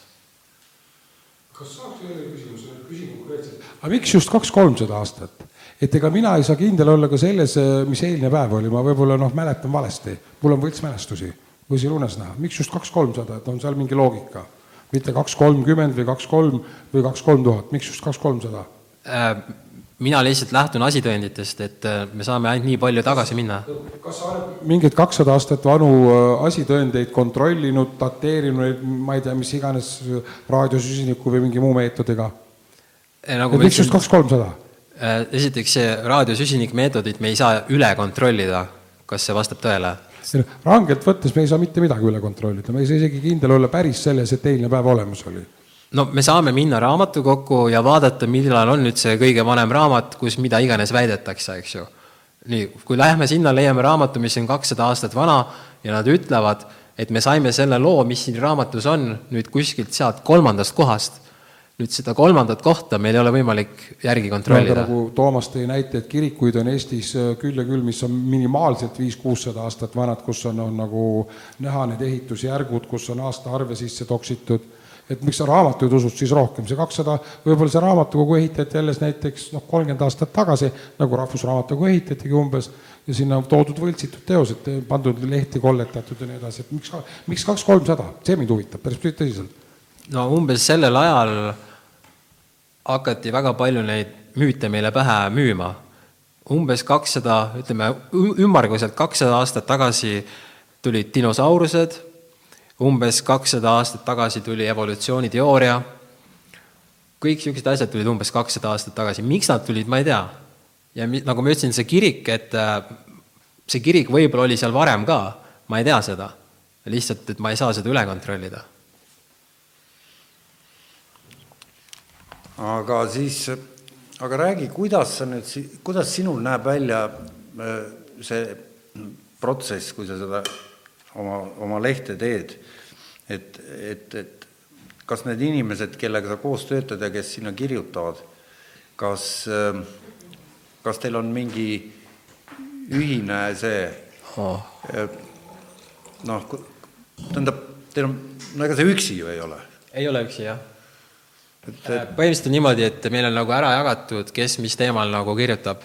meil on inimesed, kes tegelevad siis nagu konkreetselt terviseteemaga mind huvitavad niisugused müstilisemad või rohkem vandenõuteemad. ma just mõtlengi, et kui te, kui sa seda, noh, seal sinu lehe ülaservas on need erinevad valdkonnad, seal on müstika, seal on teadus, seal on tervis, seal on toitumine, mis iganes. et kuidas see nagu tekkis, et kuidas sa, kui sa hakkasid seda tegema, et kuidas need teemad hakkasid tulema ja need inimesed just, kes sinuga jagavad neid vaateid, et et mismoodi see no algselt väga huvitav, et mismoodi see töötab, see? no algselt ma olin oma siis nagu partneriga kahekesi ja me mõtlesime, et kui me teeme selle saidi, siis meil peavad olema seal need kategooriad. ja siis me mõtlesime, mis need kategooriad olla saavad, siis tundus ka loogiline, et kindlasti on see vandenõu seal, kindlasti peab olema Eesti teema, kindlasti peab olema maailma teema, kindlasti peab olema siis, siis müstika või mingi selline, nüüd viimasel ajal või eelmine aasta me panime juurde kehakultuuri ehk siis seal ongi ja tervis on, eks ju, seal ja vaimsus. et äh, toona, kui me selle tegime, siis sellel ajal, ma ei mäleta, kas alkeemia, kas oli siis või ei olnud, võib-olla oli, ma ei mäleta. praegu ei ole igal juhul eraldi. jah, ei ma mõtlen, et ma ei mäleta, mis saidid tol ajal olemas olid. aa, et ma ei mäleta, aa, kas sa rääkisid saidist. jah, jah, et äh, me panime selle selle järgi, mis meile tundus, et äh, teemad, mis vajavad kajastust. niisugust saiti tead nagu kirikiri.ee Ei. et seal on nagu päris, päris niisugust äh, ägedat materjali on palju. et niisugune filosoofiat, teadust ja müstikat ja kõike. ei tea. et aga jah, et aga, aga ikkagi, et, et see tiim, kes teil on, et, et kas te vahel vaidlete ka mingite selliste asja, noh, et keegi saab uut info, informatsiooni, et il, ilmus välja näiteks raamat, mis on kolmsada aastat vana, no näiteks juhtub nii. Või ei juhtu seda. Või et kuidas teil see asi toimib, kogu see organisatsioon? seal me eriti ei vaidle, meil on väga väike organisatsioon, et põhimõtteliselt mina ja mu partner kahekesi ja siis äh, inimesed, kes meile kirjutavad, nad teevad siis nagu tellimuse alusel mingi loo. Aga teil on üle kuuekümne tuhande jälgijat, see on ikka Eesti mõistes ikka väga palju, et, et et kas nendega mingisugune suhtlemine ju käib? jaa, ikka suhtleme, aga mm, kuidas öelda, seda väga raske on suhelda nagu neti teel niimoodi, et oleks nagu pädev aga nagu kui palju, no ma kujutan ette, et te saate ikka niisuguseid vihakirju ikka, ikka hoogsalt. ikka saab jaa. mis, kas see frustreerivalt, noh, mis teed nendega? me ei süvene neisse. lihtsalt äh, ja ja, et kui me loeks läbi selle, see lihtsalt risustaks meie ma kujutan ette, selle söövitaks nagu ajud läbi mm, täiega. see ei ole seda väärt. aga aga tuleb, tuleb nagu tõuget ka või? niisugust nagu noh, mis on niisugune hea informatsioon sinu jaoks, mis mm -hmm. kinnitab siis neid asju, sinu neid nägemust. No need, mis ma täna olen rääkinud, need on kõik mi- minu jaoks, mida mina saan kinnitada, miks ma mõnda asja nõnda arvan. jaa, aga ma mõtlen, et kas sulle nagu lugejate poolt, lugejakirjade hulgas on midagi sellist ka, mis nagu ei lähe prügikasti? ai, muidugi on, loomulikult on, ja, ja, ja, kui palju, vot mind huvitab, palju see, kuidas see Eestis see ütleme, suhtumine on, meist räägitakse kui rahvast, kes religio-, noh, ametlikult religioosset rahvast on äh, mingi viie, natuke üle viieteist protsendi, aga müstikuid on peaaegu kõik mm, -hmm. et, et kuidas sul see spekter on, et kes sulle kirjutavad, et mis, mismoodi see jaguneb mm,? kui, no kui mulle sa ki- tahad sellest rääkida muidugi. jaa, ei vabalt, mulle kirjutavad enamus äh, sellistel teemadel, mis on nagu minu artikli teemad. ehk siis mulle ei tule eriti mingeid terviseteemasid, sellepärast et ma ei kirjuta neid artikleid. et mulle kirjutatakse vandenõude teemadel äh,, siis äh, mingi heliotsentrilise maailmamudeli osas või üldse lameda maa osas niisugused kirjad, eks ju. aga kui sa pöördusid president Ilvese poole seal oma filmis eh, noh, konkreetse üleskutsega, et ja sa oled neid üleskutseid saatnud kirjalikke, sul, sul oli kaksteist küsimust, et saatsid igale poole laiali, et et, et põhimõtteliselt, et kas sa oled vastuseid ka saanud neile? ei, nad ei vasta mulle. mitte keegi, isegi mitte pressisekretär, mitte keegi. ütleme, pressisekretär võib vastata, et, et hetkel me, me keeldume intervjuust või noh, et meil ei ole aega vastata nendele küsimustele. ühesõnaga, ma saan vastuse ainult siis, kui see on mingi väga soft küsimus. ja kui ma suht-, vaata ennem ma rääkisin sellest raketi intsidendist, siis neil oli seadusega kohustus vastata, sest ma tegin ametliku teabenõude aga kuna see, mis nad mulle vastasid, oli täielik bullshit mm -hmm. ja ma saatsin neile uue kirja vastu, kus ma ütlesin, tõin nagu välja, miks ma arvan, et see on bullshit, noh, viisakalt, eks ju, siis -hmm. sellele enam vastust ei tulnud, kuigi neil on seadusega kohustus vastata, et tegelikult Kaitseministeerium rikub seadust. ja ma saan seda tõestada, aga see ei huvita mitte kedagi. aga kuhu sa välja tahad siis ikkagi jõuda, sul ju ometigi mingi positiivne stsenaarium peab, peab ju olema, see ei ole ju ainult nii, et, et adrekas täna ja kohe ja siis vaatame, et homme vaatame, homme on uus päev, et et sul on mingi pikk plaan ka ju või ei ole üldse? ikka on jaa. Et mis siis nagu mõte on, et, et on sul mõttekaaslasi välismaal või on teil mingisugune liikumine või, või ku- või noh, et, et ma saan aru, et, et siin noh, ma ütlen, okei okay, äh,, kunagi, kui ma selle ulmefilmi tegin, siis ma arvasin, et see film läheb üle Eesti hästi populaarseks, mis ta läkski. aga ma, ma tegin ühe vea, ma teen vigu ka, et ma et, et ma nagu eeldasin, et nüüd kõik inimesed, kui nad saavad sellest teada, nine eleveni pettusest, et nüüd nad kõik teevad sellest järeldused ja et nad kõik teadvustavad, mida see tähendab. enamus inimesed ei- teadvusta, mida see tähendab, nad mõtlevad, nad saavad aru, et see oli mingi, mingi jama seal oli, aga see on enam-vähem kõik ehk siis mina, mis ma arvasin, on see, et kui see läheb nüüd üle Eesti vairaliks igal pool, siis nagu tuleb revolutsioon või midagi sellist soo nagu. nojah, see, seda ei tulnud. Aga ja, kas ja. siin lähemal ei juhtu midagi, mille peale nagu rahvast leili ajada, et kui selline nagu rahvast või sa tahaksid, et kas su eesmärk on eh, e- eestlastele viia uuele teadvus, teadvustasandile nii-öelda võrreldes ülejäänud maailmaga? E- enam ei ole. kunagi mul oli niisugune eesmärk, aga nüüd ma olen aru saanud, eriti nüüd peale viimaseid valimisi, et niisugune asi ei ole võimalik ja see ei juhtu ka mitte kunagi. aga mis siin nüüd siis käimas ho- hoiab? minu jaoks nüüd see, mis puudutab Telegrami, siis äh, see on äh, meelelahutus nii mulle kui lugejale. Sest et need inimesed, kes nagu loevad nüüd Telegrami või mingit muud sarnast saiti mm, -hmm. enamus inimesed ei tee tegelikult sellest väga suuri järeldusi ei no ilmselgelt ei tee, et Jaa. inimesed elavad oma igapäevaelu mm. -hmm. ja, ja ütleme noh, see, sedalaadi väljaütlemised, noh, et, et kaksiktornid olid seest tühjad kolmkümmend aastat ja lasti siis, kui vaja, õhk, noh, selle teadmisega sama nagu lapikumaaga, noh, igapäevaelus on ju vähe pihta hakata. ja ütleme, vaata asi ongi selles, et enamus inimestel on niivõrd kiire ja neil on oma elud, mured, värgid, lapsed, et nad ei jõua tegeleda, et sellest süveneda, aru saada, mida see tegelikult tähendab. aga mida see tegelikult tähendab? siis mis asi? noh, see, mi- mida, mille, millele sa vihjasid. no kui me räägime nine elevenist, siis see tähendab seda, et äh, kõik äh, need äh, siis nagu meedia üle maailma on täielikult kontrollitud ühe sama jõu poolt, ütleme siis suurmeedia, ma ei räägi nagu Telegramist, vaid ma räägin äh, noh, CNN, BBC, kõik niisugused asjad, eks ju. no ütleme, et ma olen sellega nõus. nii, üks asi on see, teine, mis tähendab, on see, et kõik riigid on tegelikult äh, üks ja sama punt. okei okay,, isegi sellega on võimalik nõusse jääda, mis edasi? edasi ei juhtu mitte midagi, sest enamus inimesed ei saa sellest aru. et aga mis me siis nüüd sellest mis me, mis me, me saame sellest infost järeldada seda, et äh, mida see meile annab, eks ju. Minule ta andis seda, et kui ma lõpuks sain aru, et seal ei olnud ka hukkunuid, et maailm on palju turvalisem koht kui see, mida meile räägitakse. ja see on, see on päris hea. see on väga hea, see on väga hea, sest vaata, enamus inimesed usuvad, et siin mingi USA ja Venemaa vahel võib minna sõjaks või Põhja-Korea. see kõik muinasjutt, tuumarelvasid isegi pole olemas. parvlaev Estonia oli olemas. ma ei ole näinud seda ise, aga ma arvan, et ta oli, ma tean inimesi, kes, kes olid seal siis oota, räägi palun ära, jah. aga miks peaks üks lihtne inimene nagu mina arvama, et sina tõtt räägid? BBC valetab, Russia Today valetab, ETV valetab, kus ma peaks, miks ma peaks arvama, et sina tõtt räägid? sest et äh, mina põhjendan ära, miks ma midagi arvan. et äh, BBC ja Russia Today, nemad lihtsalt annavad video, nii juhtus ja nii ongi. Nüüd mina võtan selle video, vaatan, mis seal on, siis ma vaatan, mis on veel ametlik lugu ja mis ma veel leian ja siis ma hakkan analüüsima, vaatan, kuule, et siin on mingi jama. millegipärast ei usu hästi, sa pole siiamaani ühtegi asja ära põhjendanud. isegi To- mitte seda, kuidas eksisteerib objekte, mis on peaaegu kindlasti rohkem kui kolmsada aastat vana. tähendab, mina ei ole väitnud, et ta ei ole kolmsada aastat vana, vaid ma ütlesin, et me ei saa tõestada, et ta on vanem.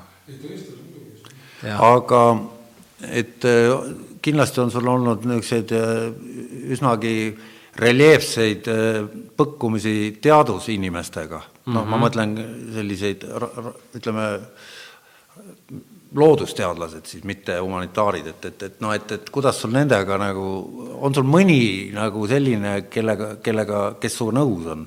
oi, neid on palju vot see oleks küll huvitav, et, et, et sa ei pea nimesid nimetama, aga lihtsalt räägi võib-olla paari sõnaga, et kui palju ja kes, mis, mis pinnalt ja, ja mis nad siis, kuidas nad sellega hakkama saavad, kui nad sama asja mõtlevad, olles teadlased, et kuidas nad oma tööd teevad üldse? mm. no vaata, siin on see, et äh, see, mis me täna oleme siin rääkinud, et ma ei ole ju kõigiga neid asju rääkinud. et äh, kui me räägime näiteks, no ma toon näite, nüüd äh, see, kas maa on nüüd lame või ei ole, eks ju, nüüd mul on nagu mitu tuttavat või sõpra, kes on teadusinimesed, kes saavad aru, et see kindlasti ei ole pöörlev pall. ja neil on selles suhtes minuga tore rääkida, et neil on nagu mõttekaaslane okei okay. et niisuguseid inimesi on olemas. samuti on olemas inimesi, kes arvavad, et ma panen täiesti lampi nägu ja nad usuvad absoluutselt mida iganes valitsus või ütleme siis uudised ütlevad. et siin on täiesti seinast seina inimesi, aga nüüd on niimoodi, et nüüd üks inimene, kes võib-olla on nii hardcore teaduse vend, vaatab, et see mingisuguse lameda maaga ma panen puusse, nüüd samal ajal ma saan selle inimesega rääkida mingi täiesti teisel teemal, mida ta ei saa praktiliselt mitte kellegagi rääkida. olgu need siis mingid psühhedeelikumid või ükskõik mis asi nagu. aga kuidas psühhedeelikumidega on nagu üldiselt Eestis lood? ma mõtlen, kuidas selle suht-, sa ilmselt tead seda kõige paremini, et No olen- kuidas ringkonnad erinevad vaatavad tänases päev, päeval nende asjade peale? Põhimõtteliselt on nii, et psühhedeelikumid äh, siis nagu viivad inimeseks ja muutunud teadvuse seisundisse mm -hmm. ja nendega on samamoodi nagu selle infoga, et äh, enamus inimesed, kes neid teevad, nad natuke midagi sealt saavad, aga see ei tähenda, et nad nüüd valgustuvad ära. mina kaasa arvatud.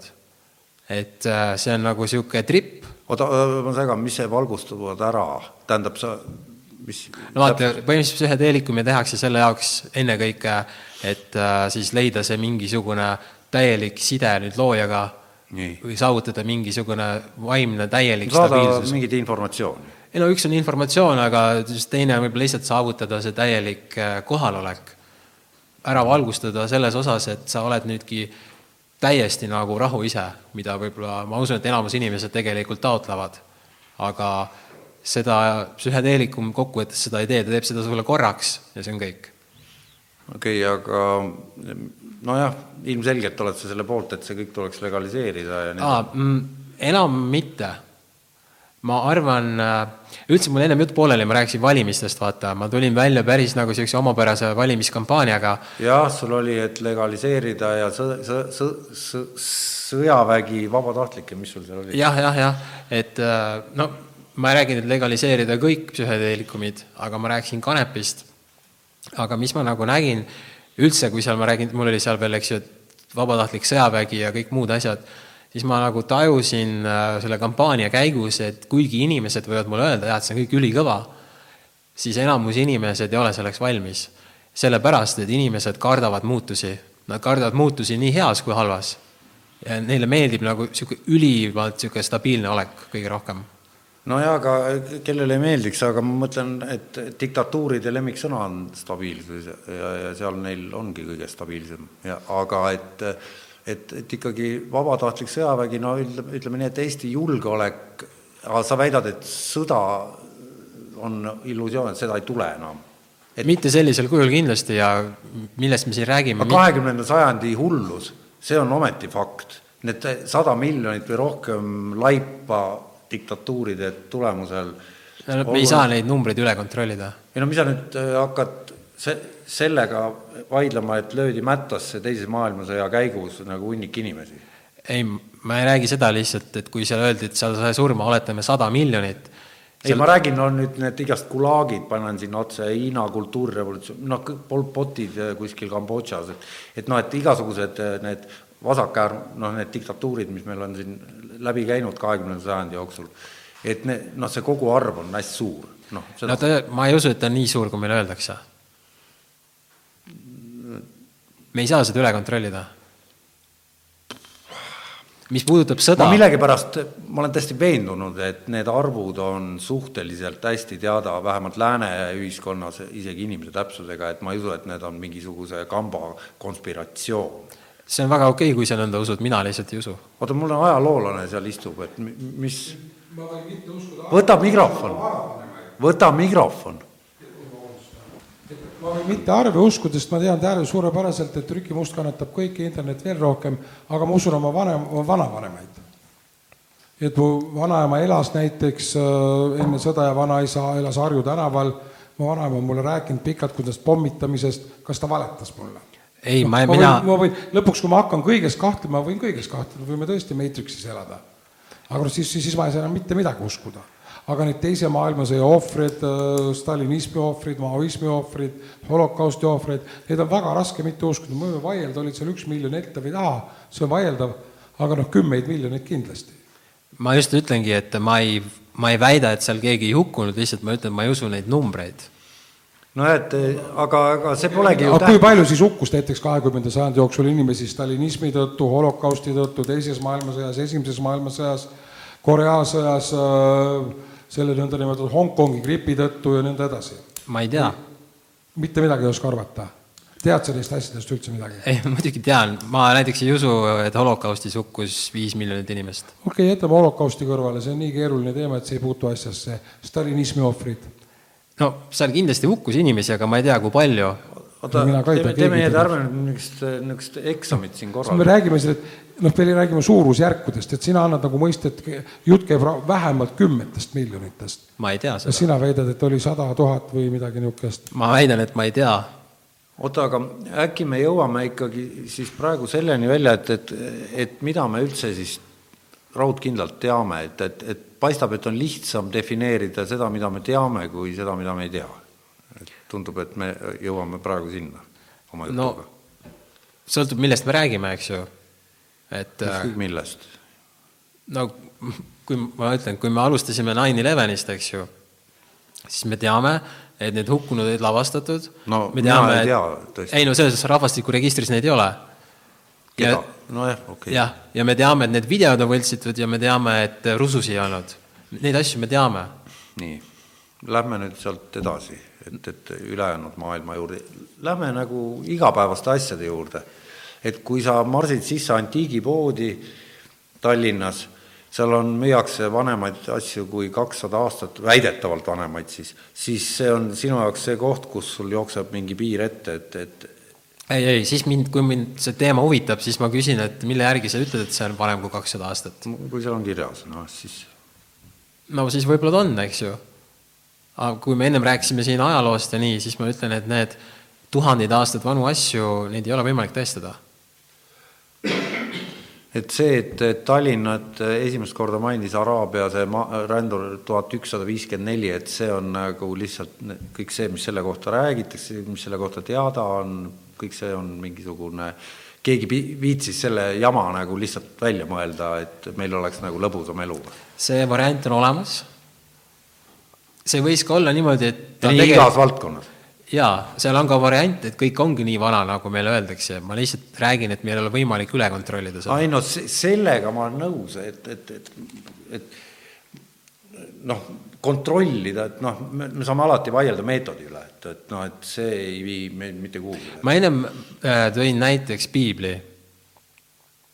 vaata, nad ütlevad, et piibel on tuhandeid aastaid vana, kaks tuhat aastat vana, eks ju. no järg-, jah. nii, kui sa nüüd hakkad uurima, et kust need piibli tekstid pärit on, mitte mis seal kirjas on, see on eraldi teema, lihtsalt kust need tekstid pärit on, siis sa avastad ametlik lugu, see ei ole nüüd teooria, vaid see on nüüd ametlik lugu, et need avastati põhimõtteliselt kuskilt prügihunnikust kakssada aastat tagasi. see on ametlik lugu. mis asi? Need on niisugused papüüruse rullid, kus on nagu piibli sisu. ja see, need rullid avastati paarsada aastat tagasi nojah, aga tuhat üheksasada nelikümmend, ma ei tea, seitse või kui, kui need surnumärk või need kirjarullid aprokriivaga jah, nüüd me läheme veel vähem, nüüd me läheme ainult seitsekümmend aastat tagasi nojaa, aga et põhimõtteliselt need olid siis sinna pistetud, need papüürused või need olid kitsenaha peal vist. no see ei tundu väga raske neid sinna panna. ei, ma mõtlengi, et siis keegi pidi nagu tegelema sellega. jaa, aga see ei ole kuule, mulle keeruline. tundub praegu kogu aeg, et see kontekst on selline, et, et mingi meeletu sebimine käib tüh-, noh, sellepärast, et me sa-, istume ja saaksime arutada, sest et mingit ratsionaalset ju pointi asjal pole. on küll point, massid, massid usuvad. ei, aga mis vahet seal on, mida see massid usuvad või ei usu, et papüüruseid keegi läheb kuskile surnumerra et maa sisse kaevama neljakümnendatel, sõda niigi käib, noh, tähendab, massid on saanud oma rahulduse. Nad teavad, miks nad on, kus nad on, kaua nad siin olnud ja kuidas nad siia sattusid. Need vastused tulevadki nendest äh, pettustest, millest me täna räägime. kui sa võtad ära need, kui sa võtad kuu missioonid ära, siis meil ei jää mitte midagi alles. miks ei jää, keda, keda see tegelikult kotib, et kas, kes, kes seal käis või ei käinud? ei no vaata, palju sellest igapäevaelus nagu sul juttu on, et kuu peal käimisest? sellest ei olegi käi-, juttu, aga kui sa küsid suvalise inimese käest tänava pealt, et äh, kuule, et äh, kas, kas sa tead, kas me, noh, kus me oleme, ta kirjeldab sulle, et on see pöörlev pall, ta kirjeldab, me oleme siin olnud miljoneid aastaid või ütleme, ei, aga ta suure tõenäosusega ütleb, et teda ei huvita. ütleme, et kui ta on normaalne, terve mõistusega inimene, siis kui tuleb inimene vastu, küsib, et kas on pall, siis ta ütleb, what the fuck. ütleme, ta, ta ei mõtle sellest iga päev, eks ju, aga teatud hetkedel oma elus kõik mõtlevad selle peale, et kust nad tulid või miks ja nii edasi. ei no jaa, et elu mõte ja kõik see jah maailm, teatud hetkel kõik me mõtleme, käime need mustrid läbi ja nüüd massid saavadki kõik vastused nendele. no jaa, aga ütleme noh, siis see vaimne pool, see maailm, spirituaalne maailm mm, -hmm. noh, et, et noh, kõik see ja, ja, ja õua, õua, õua, et, et, et noh, mul on ka erinevaid kogemusi, mida ma ei oska seletada mm. -hmm. et, et, et mõned on päris jaburad ja, ja ongi, ja ma ei oskagi seletada, aga, aga ma nagu ei näe ka põhjust sellega nagu hulluks minna, sest et noh, ma olen leppinud sellega, et enamusi asju me ei tea. Sest et eh, väga, mida targem inimene, seda rohkem ta ütleb, et, et ta eriti palju ei tea, et mul siin eelmises saates oli üks professor, kes tehisintellekti teemaga tegeleb ja ja ta ütles ka, et ega, ega me ei tea suurt midagi. ega ei teagi ja me ei tea, mina ei tea, kus me oleme. nüüd enamus inimesed, nad enda arust teavad, kus nad ole, on, sest nad usuvad teatud lugusid. Aga mina neid lugusid ei usu. nii et sul on nagu siis agenda ikka see, et nagu inimesed, tulge mõistusele. ei, see oli mu agenda täna on see puhas meelelahutus mulle ja aga kuidas sul see muutumine või miks või millal toimus? see on aastate jooksul toimunud, äh, kui ma sain aru, et inimesi tegelikult ei huvita lahendused. Nad võivad väita, et neid huvitavad. Neid, nad võivad väita, et neid huvitavad uuendused, asjad, neid tegelikult see ei huvita. Ja seda ma kogesin selle valimiste ajal eriti veel. ma räägin, ma käisin, oli Eesti Naisjuristide Liit korraldas niisuguse äh, asja nagu rahudebatt, suur rahudebatt, kui oli kohale kutsutud kõik erakonnad ja siis kaks üksikkandidaati, kellest üks olin mina. ja nüüd seal küsimused, mis seal esitati, olid äh, põhimõtteliselt umbes niisugused küsimused, et mida me peame tegema selleks, et saavutada maailma rahu, mis on mingi NATO ja ÜRO roll, kas sõjavägi peaks olema vabatahtlik, kõik niisugused asjad nagu.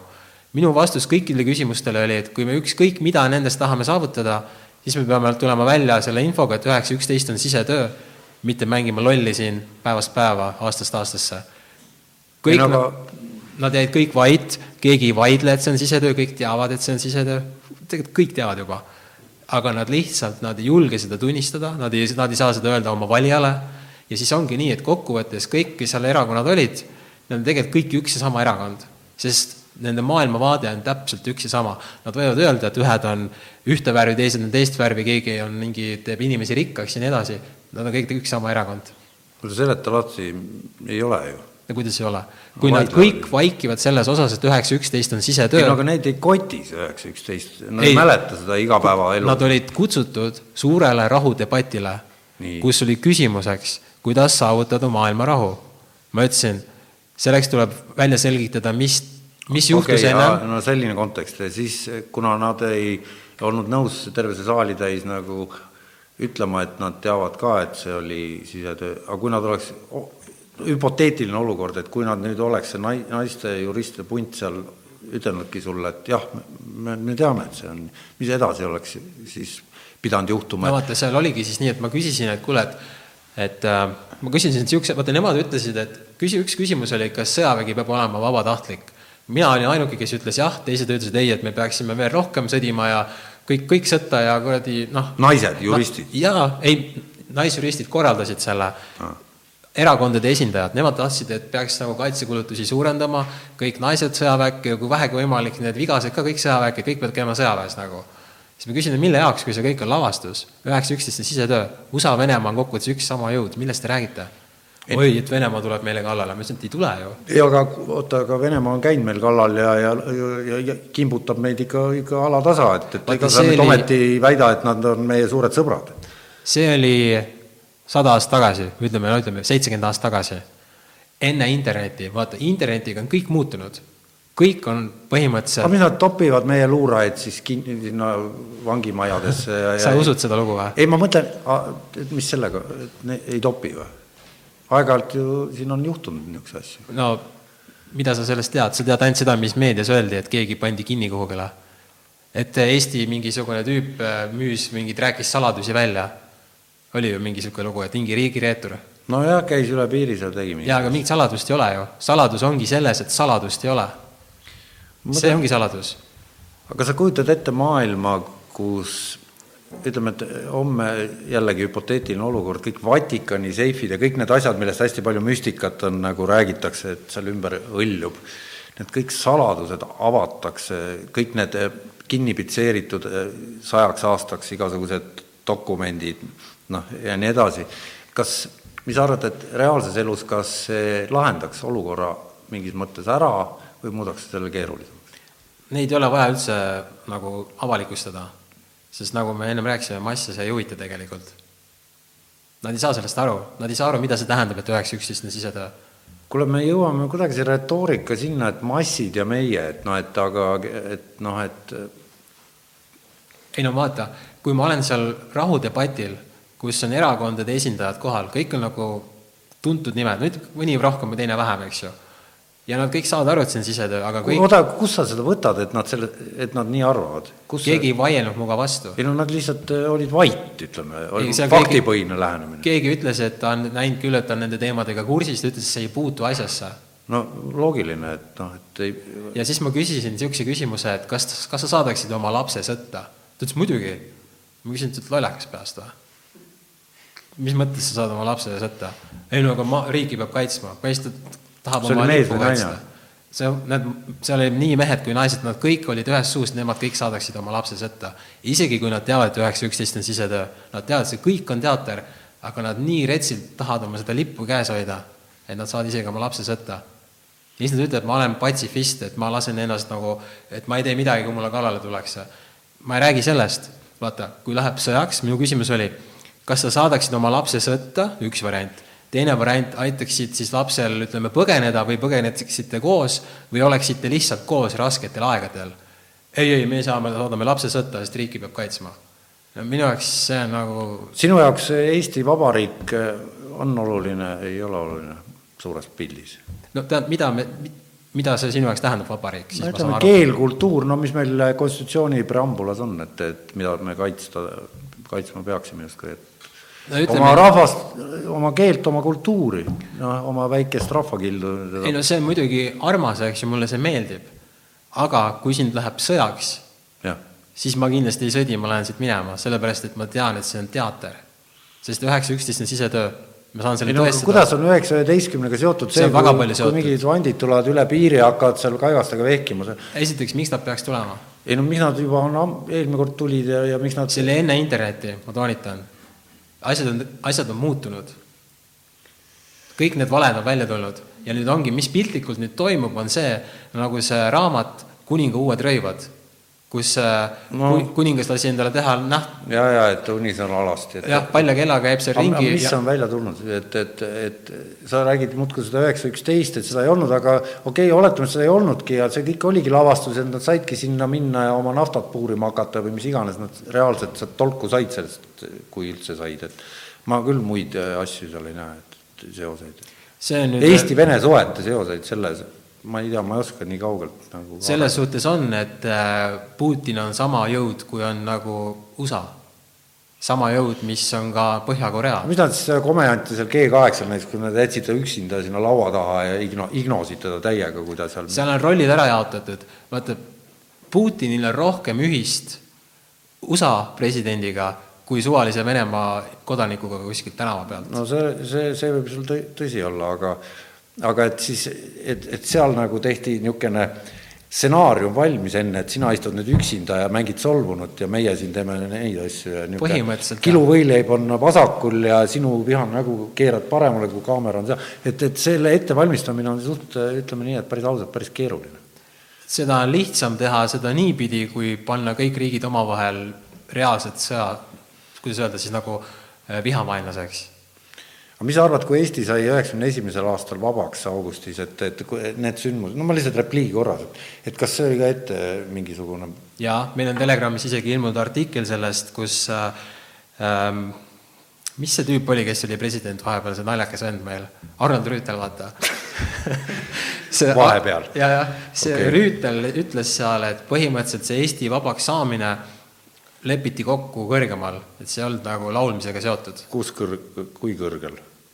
no ütleme, mitte, see ei olnud nagu meie tehtud, see laulev revolutsioon, see oli osa sellest, see oli kõik tore ja nii edasi, ühtekuuluvustunne, aga need otsused tehti juba mujal ära ma mõtlen seda, et kui ütleme, meie poliitikud, Lennart Meri, Meri oli üheksakümnenda aasta välisminister ja siis, kui ta käis äh, Pariisis, seal oli see julgeolekukonverents, kus visati Baltikumi juhid välja, Gorbatšov viskas nad välja, kuna na- ta tahtis seda Nõukogude Liitu koos hoida. Ja ja siis toimus seal niisugune aktsioon, kui, kui, sa nüüd tead, millest ma räägin, et et seal oli niisugune episood, et, et Baltikumi juhid visati, tõsteti nii-öelda ukse taha, võõrustaja Prantsusmaa ei sekkunud ja, ja siis Thatcher ja kes seal olid, kaitsesid siis nagu Balti riikide seisukohti saada iseseisvaks, ja, ja siis need bussitäis poliitikuid seal Pariisis nagu toimetas mõned päevad. et kas ne, nemad olid teadmatuses?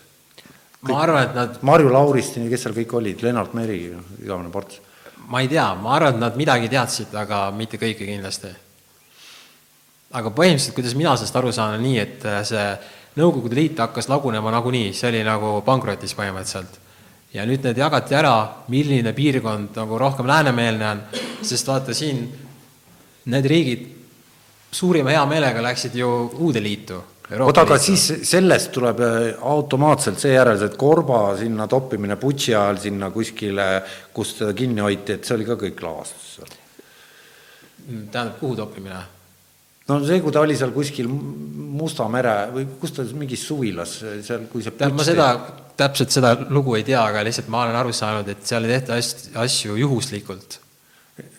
nojah, okei okay,, et aga võib-olla, võib-olla sellega, et asju ei tehta juhuslikult, ongi võib-olla hea otsad kokku tõmmata. Ah,, küsimused on ka veel, et, et kas kellelgi on midagi, midagi küsida, lisada, kommenteerida? et, et selle me... ma ütleks ühe asja veel, mis on nüüd äh, mis ei ole vandenõudega üldse seotud, natuke vaimsema teemaga võiks nagu lõpetada, et äh, ma olen viimasel ajal praktiseerinud niisugust asja nagu Wim Hof meetod ja ma olen sellest päris vaimustuses. oota, ütle see tähthaaval, et mis, mis asi? Wim Hof, see on üks äh, tüüp, üks äh,, ta on umbes kuuekümne aastane mees, ta minu meelest on Norrast pärit, kui ma ei eksi äh,, kes äh,, kellel oli mingi hetk olid rasked ajad elus ja siis ta avastas niisuguse hingamistehnika, mille abil temast on saanud nagu Superman põhimõtteliselt. et ta on, äh, põhimõtteliselt mis ta teeb, ta hingab kuskil viie minuti jooksul sisse endasse ülipalju hapnikku ja nüüd selle tehnikaga ta on nagu saanud praktiseerida külmas ellujäämist. ja põhimõtteliselt see vend on nüüd roninud äh, Mount Everesti otsa niimoodi, et tal on ainult nagu jalanõud, kindad ja siis aluspüksid põhimõtteliselt. alukate peal pani? jah, no lühikesed püksid, palja kõhuga. hingamisest nagu. ja, ja ta on treeninud ennast täiesti superinimeseks, üliinimeseks ja nüüd äh, kas ta selle nime järgi netis on mingi? jaa, leiab hästi palju on selle kohta Wim Hof okay. ja nüüd, äh, mis, mis on veel sellega, on see, et äh, ta nagu ei jää haigeks ja mis on nüüd minu jaoks väga põnev, on see, mis ma olen ise nüüd kogenud, ma olen ainult kaks nädalat seda teinud, et ma olen nagu väga suure hea rahu saavutanud endas. aga kuidas, räägi siis juba, mis sa teed, mismoodi see käib, et jah, et põhimõtteliselt sa hingad, jaa, et sa hingad nagu niimoodi ehk siis nagu hästi palju, nii palju, kui saad sisse nii. ja välja ja hingad kuskil niimoodi kolmkümmend, nelikümmend korda, ütleme. see ei ole holotroopne hingamine? See... ta on natuke sarnane sellele. aga ta siis lööb ka teadlase teise kohta veits või? jaa, ühesõnaga, point on nagu selles, et sa teed seda iga päev, sa hingad kuskil kolmkümmend, nelikümmend, võib-olla viiskümmend, see sõltub inimesest, igalühel on see erinev nagu, mis hetkel see tuleb nagu. sa hingad endasse ülipalju hapnikku sisse mõne minuti jooksul ja siis äh, peale seda sa oled võimeline hoidma hinge kinni kaks-kolm-neli minutit, sest sa oled hapnikku nii retsilt täis nagu. sa oled juba võimeline? mina saan kolm minutit juba hoida, jah. ja seda kui pika? kahe nädalaga. kahe nädalaga mm? -hmm. vot seda ma ja mis on veel, on niimoodi, et äh, ma olen nüüd, äh, ma teen seda kaks korda päevas, et ma nagu kogen nagu niisugust natural high'd, nagu oleks nagu mingisugust, jaa, mingi eriti laksu nagu ülihea on olla nagu ja nagu lisaenergia ja nüüd see tüüp ja paljud teised, seda väga paljud juba teevad, ma usun, et see läheb varsti täielikult massidesse. et äh, inimesed ei jää haigeks enam. et see on väga kõva teema, et ma soovitan seda kindlasti kõigil proovida. okei okay,, et äh, no aga suurepärane lõpp saatele mm, -hmm. et äh, tervist tuleb ja hinge saab kaua kinni hoida ja ja on, mida uurida, et aga aitäh tulemast ja, ja kohtume järgmine kord ja, ja vaatame, mis siis saab, et. jaa, aitäh kutsumast et mulle vaata point on selles, et mul seda infot on väga palju, et ma saan nagu, nagu ma ütlesin, ma võin igas suunas minna, täna oli väga palju asju, mida me üldse ei puutunud nagu. ei no ma tean. jah, et mm, mul ongi teinekord raske neid, seda infot nagu levitada, sest et ma ei mulle meeldib, kui keegi küsib, vaata, sest et mis on minu jaoks nagu niivõrd ilmselge, võib-olla kellelgi teisel on mingi asi sealt ei no ma lihtsalt jällegi jah, pean nüüd siis vastama, et, et minu jaoks oli ka seda nii palju, et, et ma ei tahtnud nagu mm -hmm. hakata aru, siin punkthaaval nüüd ette lugema küsimusi, ette valmistama, et pigem ma tahtsin näha, kuhu me oma jutuga mm -hmm. välja jõuame ja loogilist rada pidi, et et ma loodan, et midagi, midagi, kel-, noh, minul sai küll nagu veidi selgemaks see, see asi, mida, millega ta tegeleb, mul on nagu jube hea meel selle üle, et et, et sellest puudub nagu igasugune viha ja vastandumine, et mm -hmm. see on vastandumine nagu, ära kadunud. see on nagu kõige olulisem, ma arvan, üldse kogu selle meie jutuajamise juures, et et inimestel on jäänud mulje, et vandenõuteoreetik, see tähendab, et see, ta käib nüüd, tal on käsi rusikas ja ta tahab kohe molli anda kõigile ja, ja ma kunagi olin see vend nagu aga, aga oota, aga millal sa ära, palju aega sa tagasi, kas siis, kui sa selle filmi tegid, veel olid või? siis ma olin, jah. kaks tuhat kaksteist? vihaga tegid niimoodi hambad tangas? no natuke ikka, jah aga siis mõtlesid, et mingu perse, et nüüd enam ei tee. no põhimõtteliselt vaata, kui, kui, kui see film sai valmis, siis nagu tuli nagu kergendus ja siis nagu aastatega on seal läinud veel nagu no, kuidagi pehmemaks ja noh, õpid ja saad kasvada ja noh, niimoodi no,. äge kuule, suur tänu! kõike head!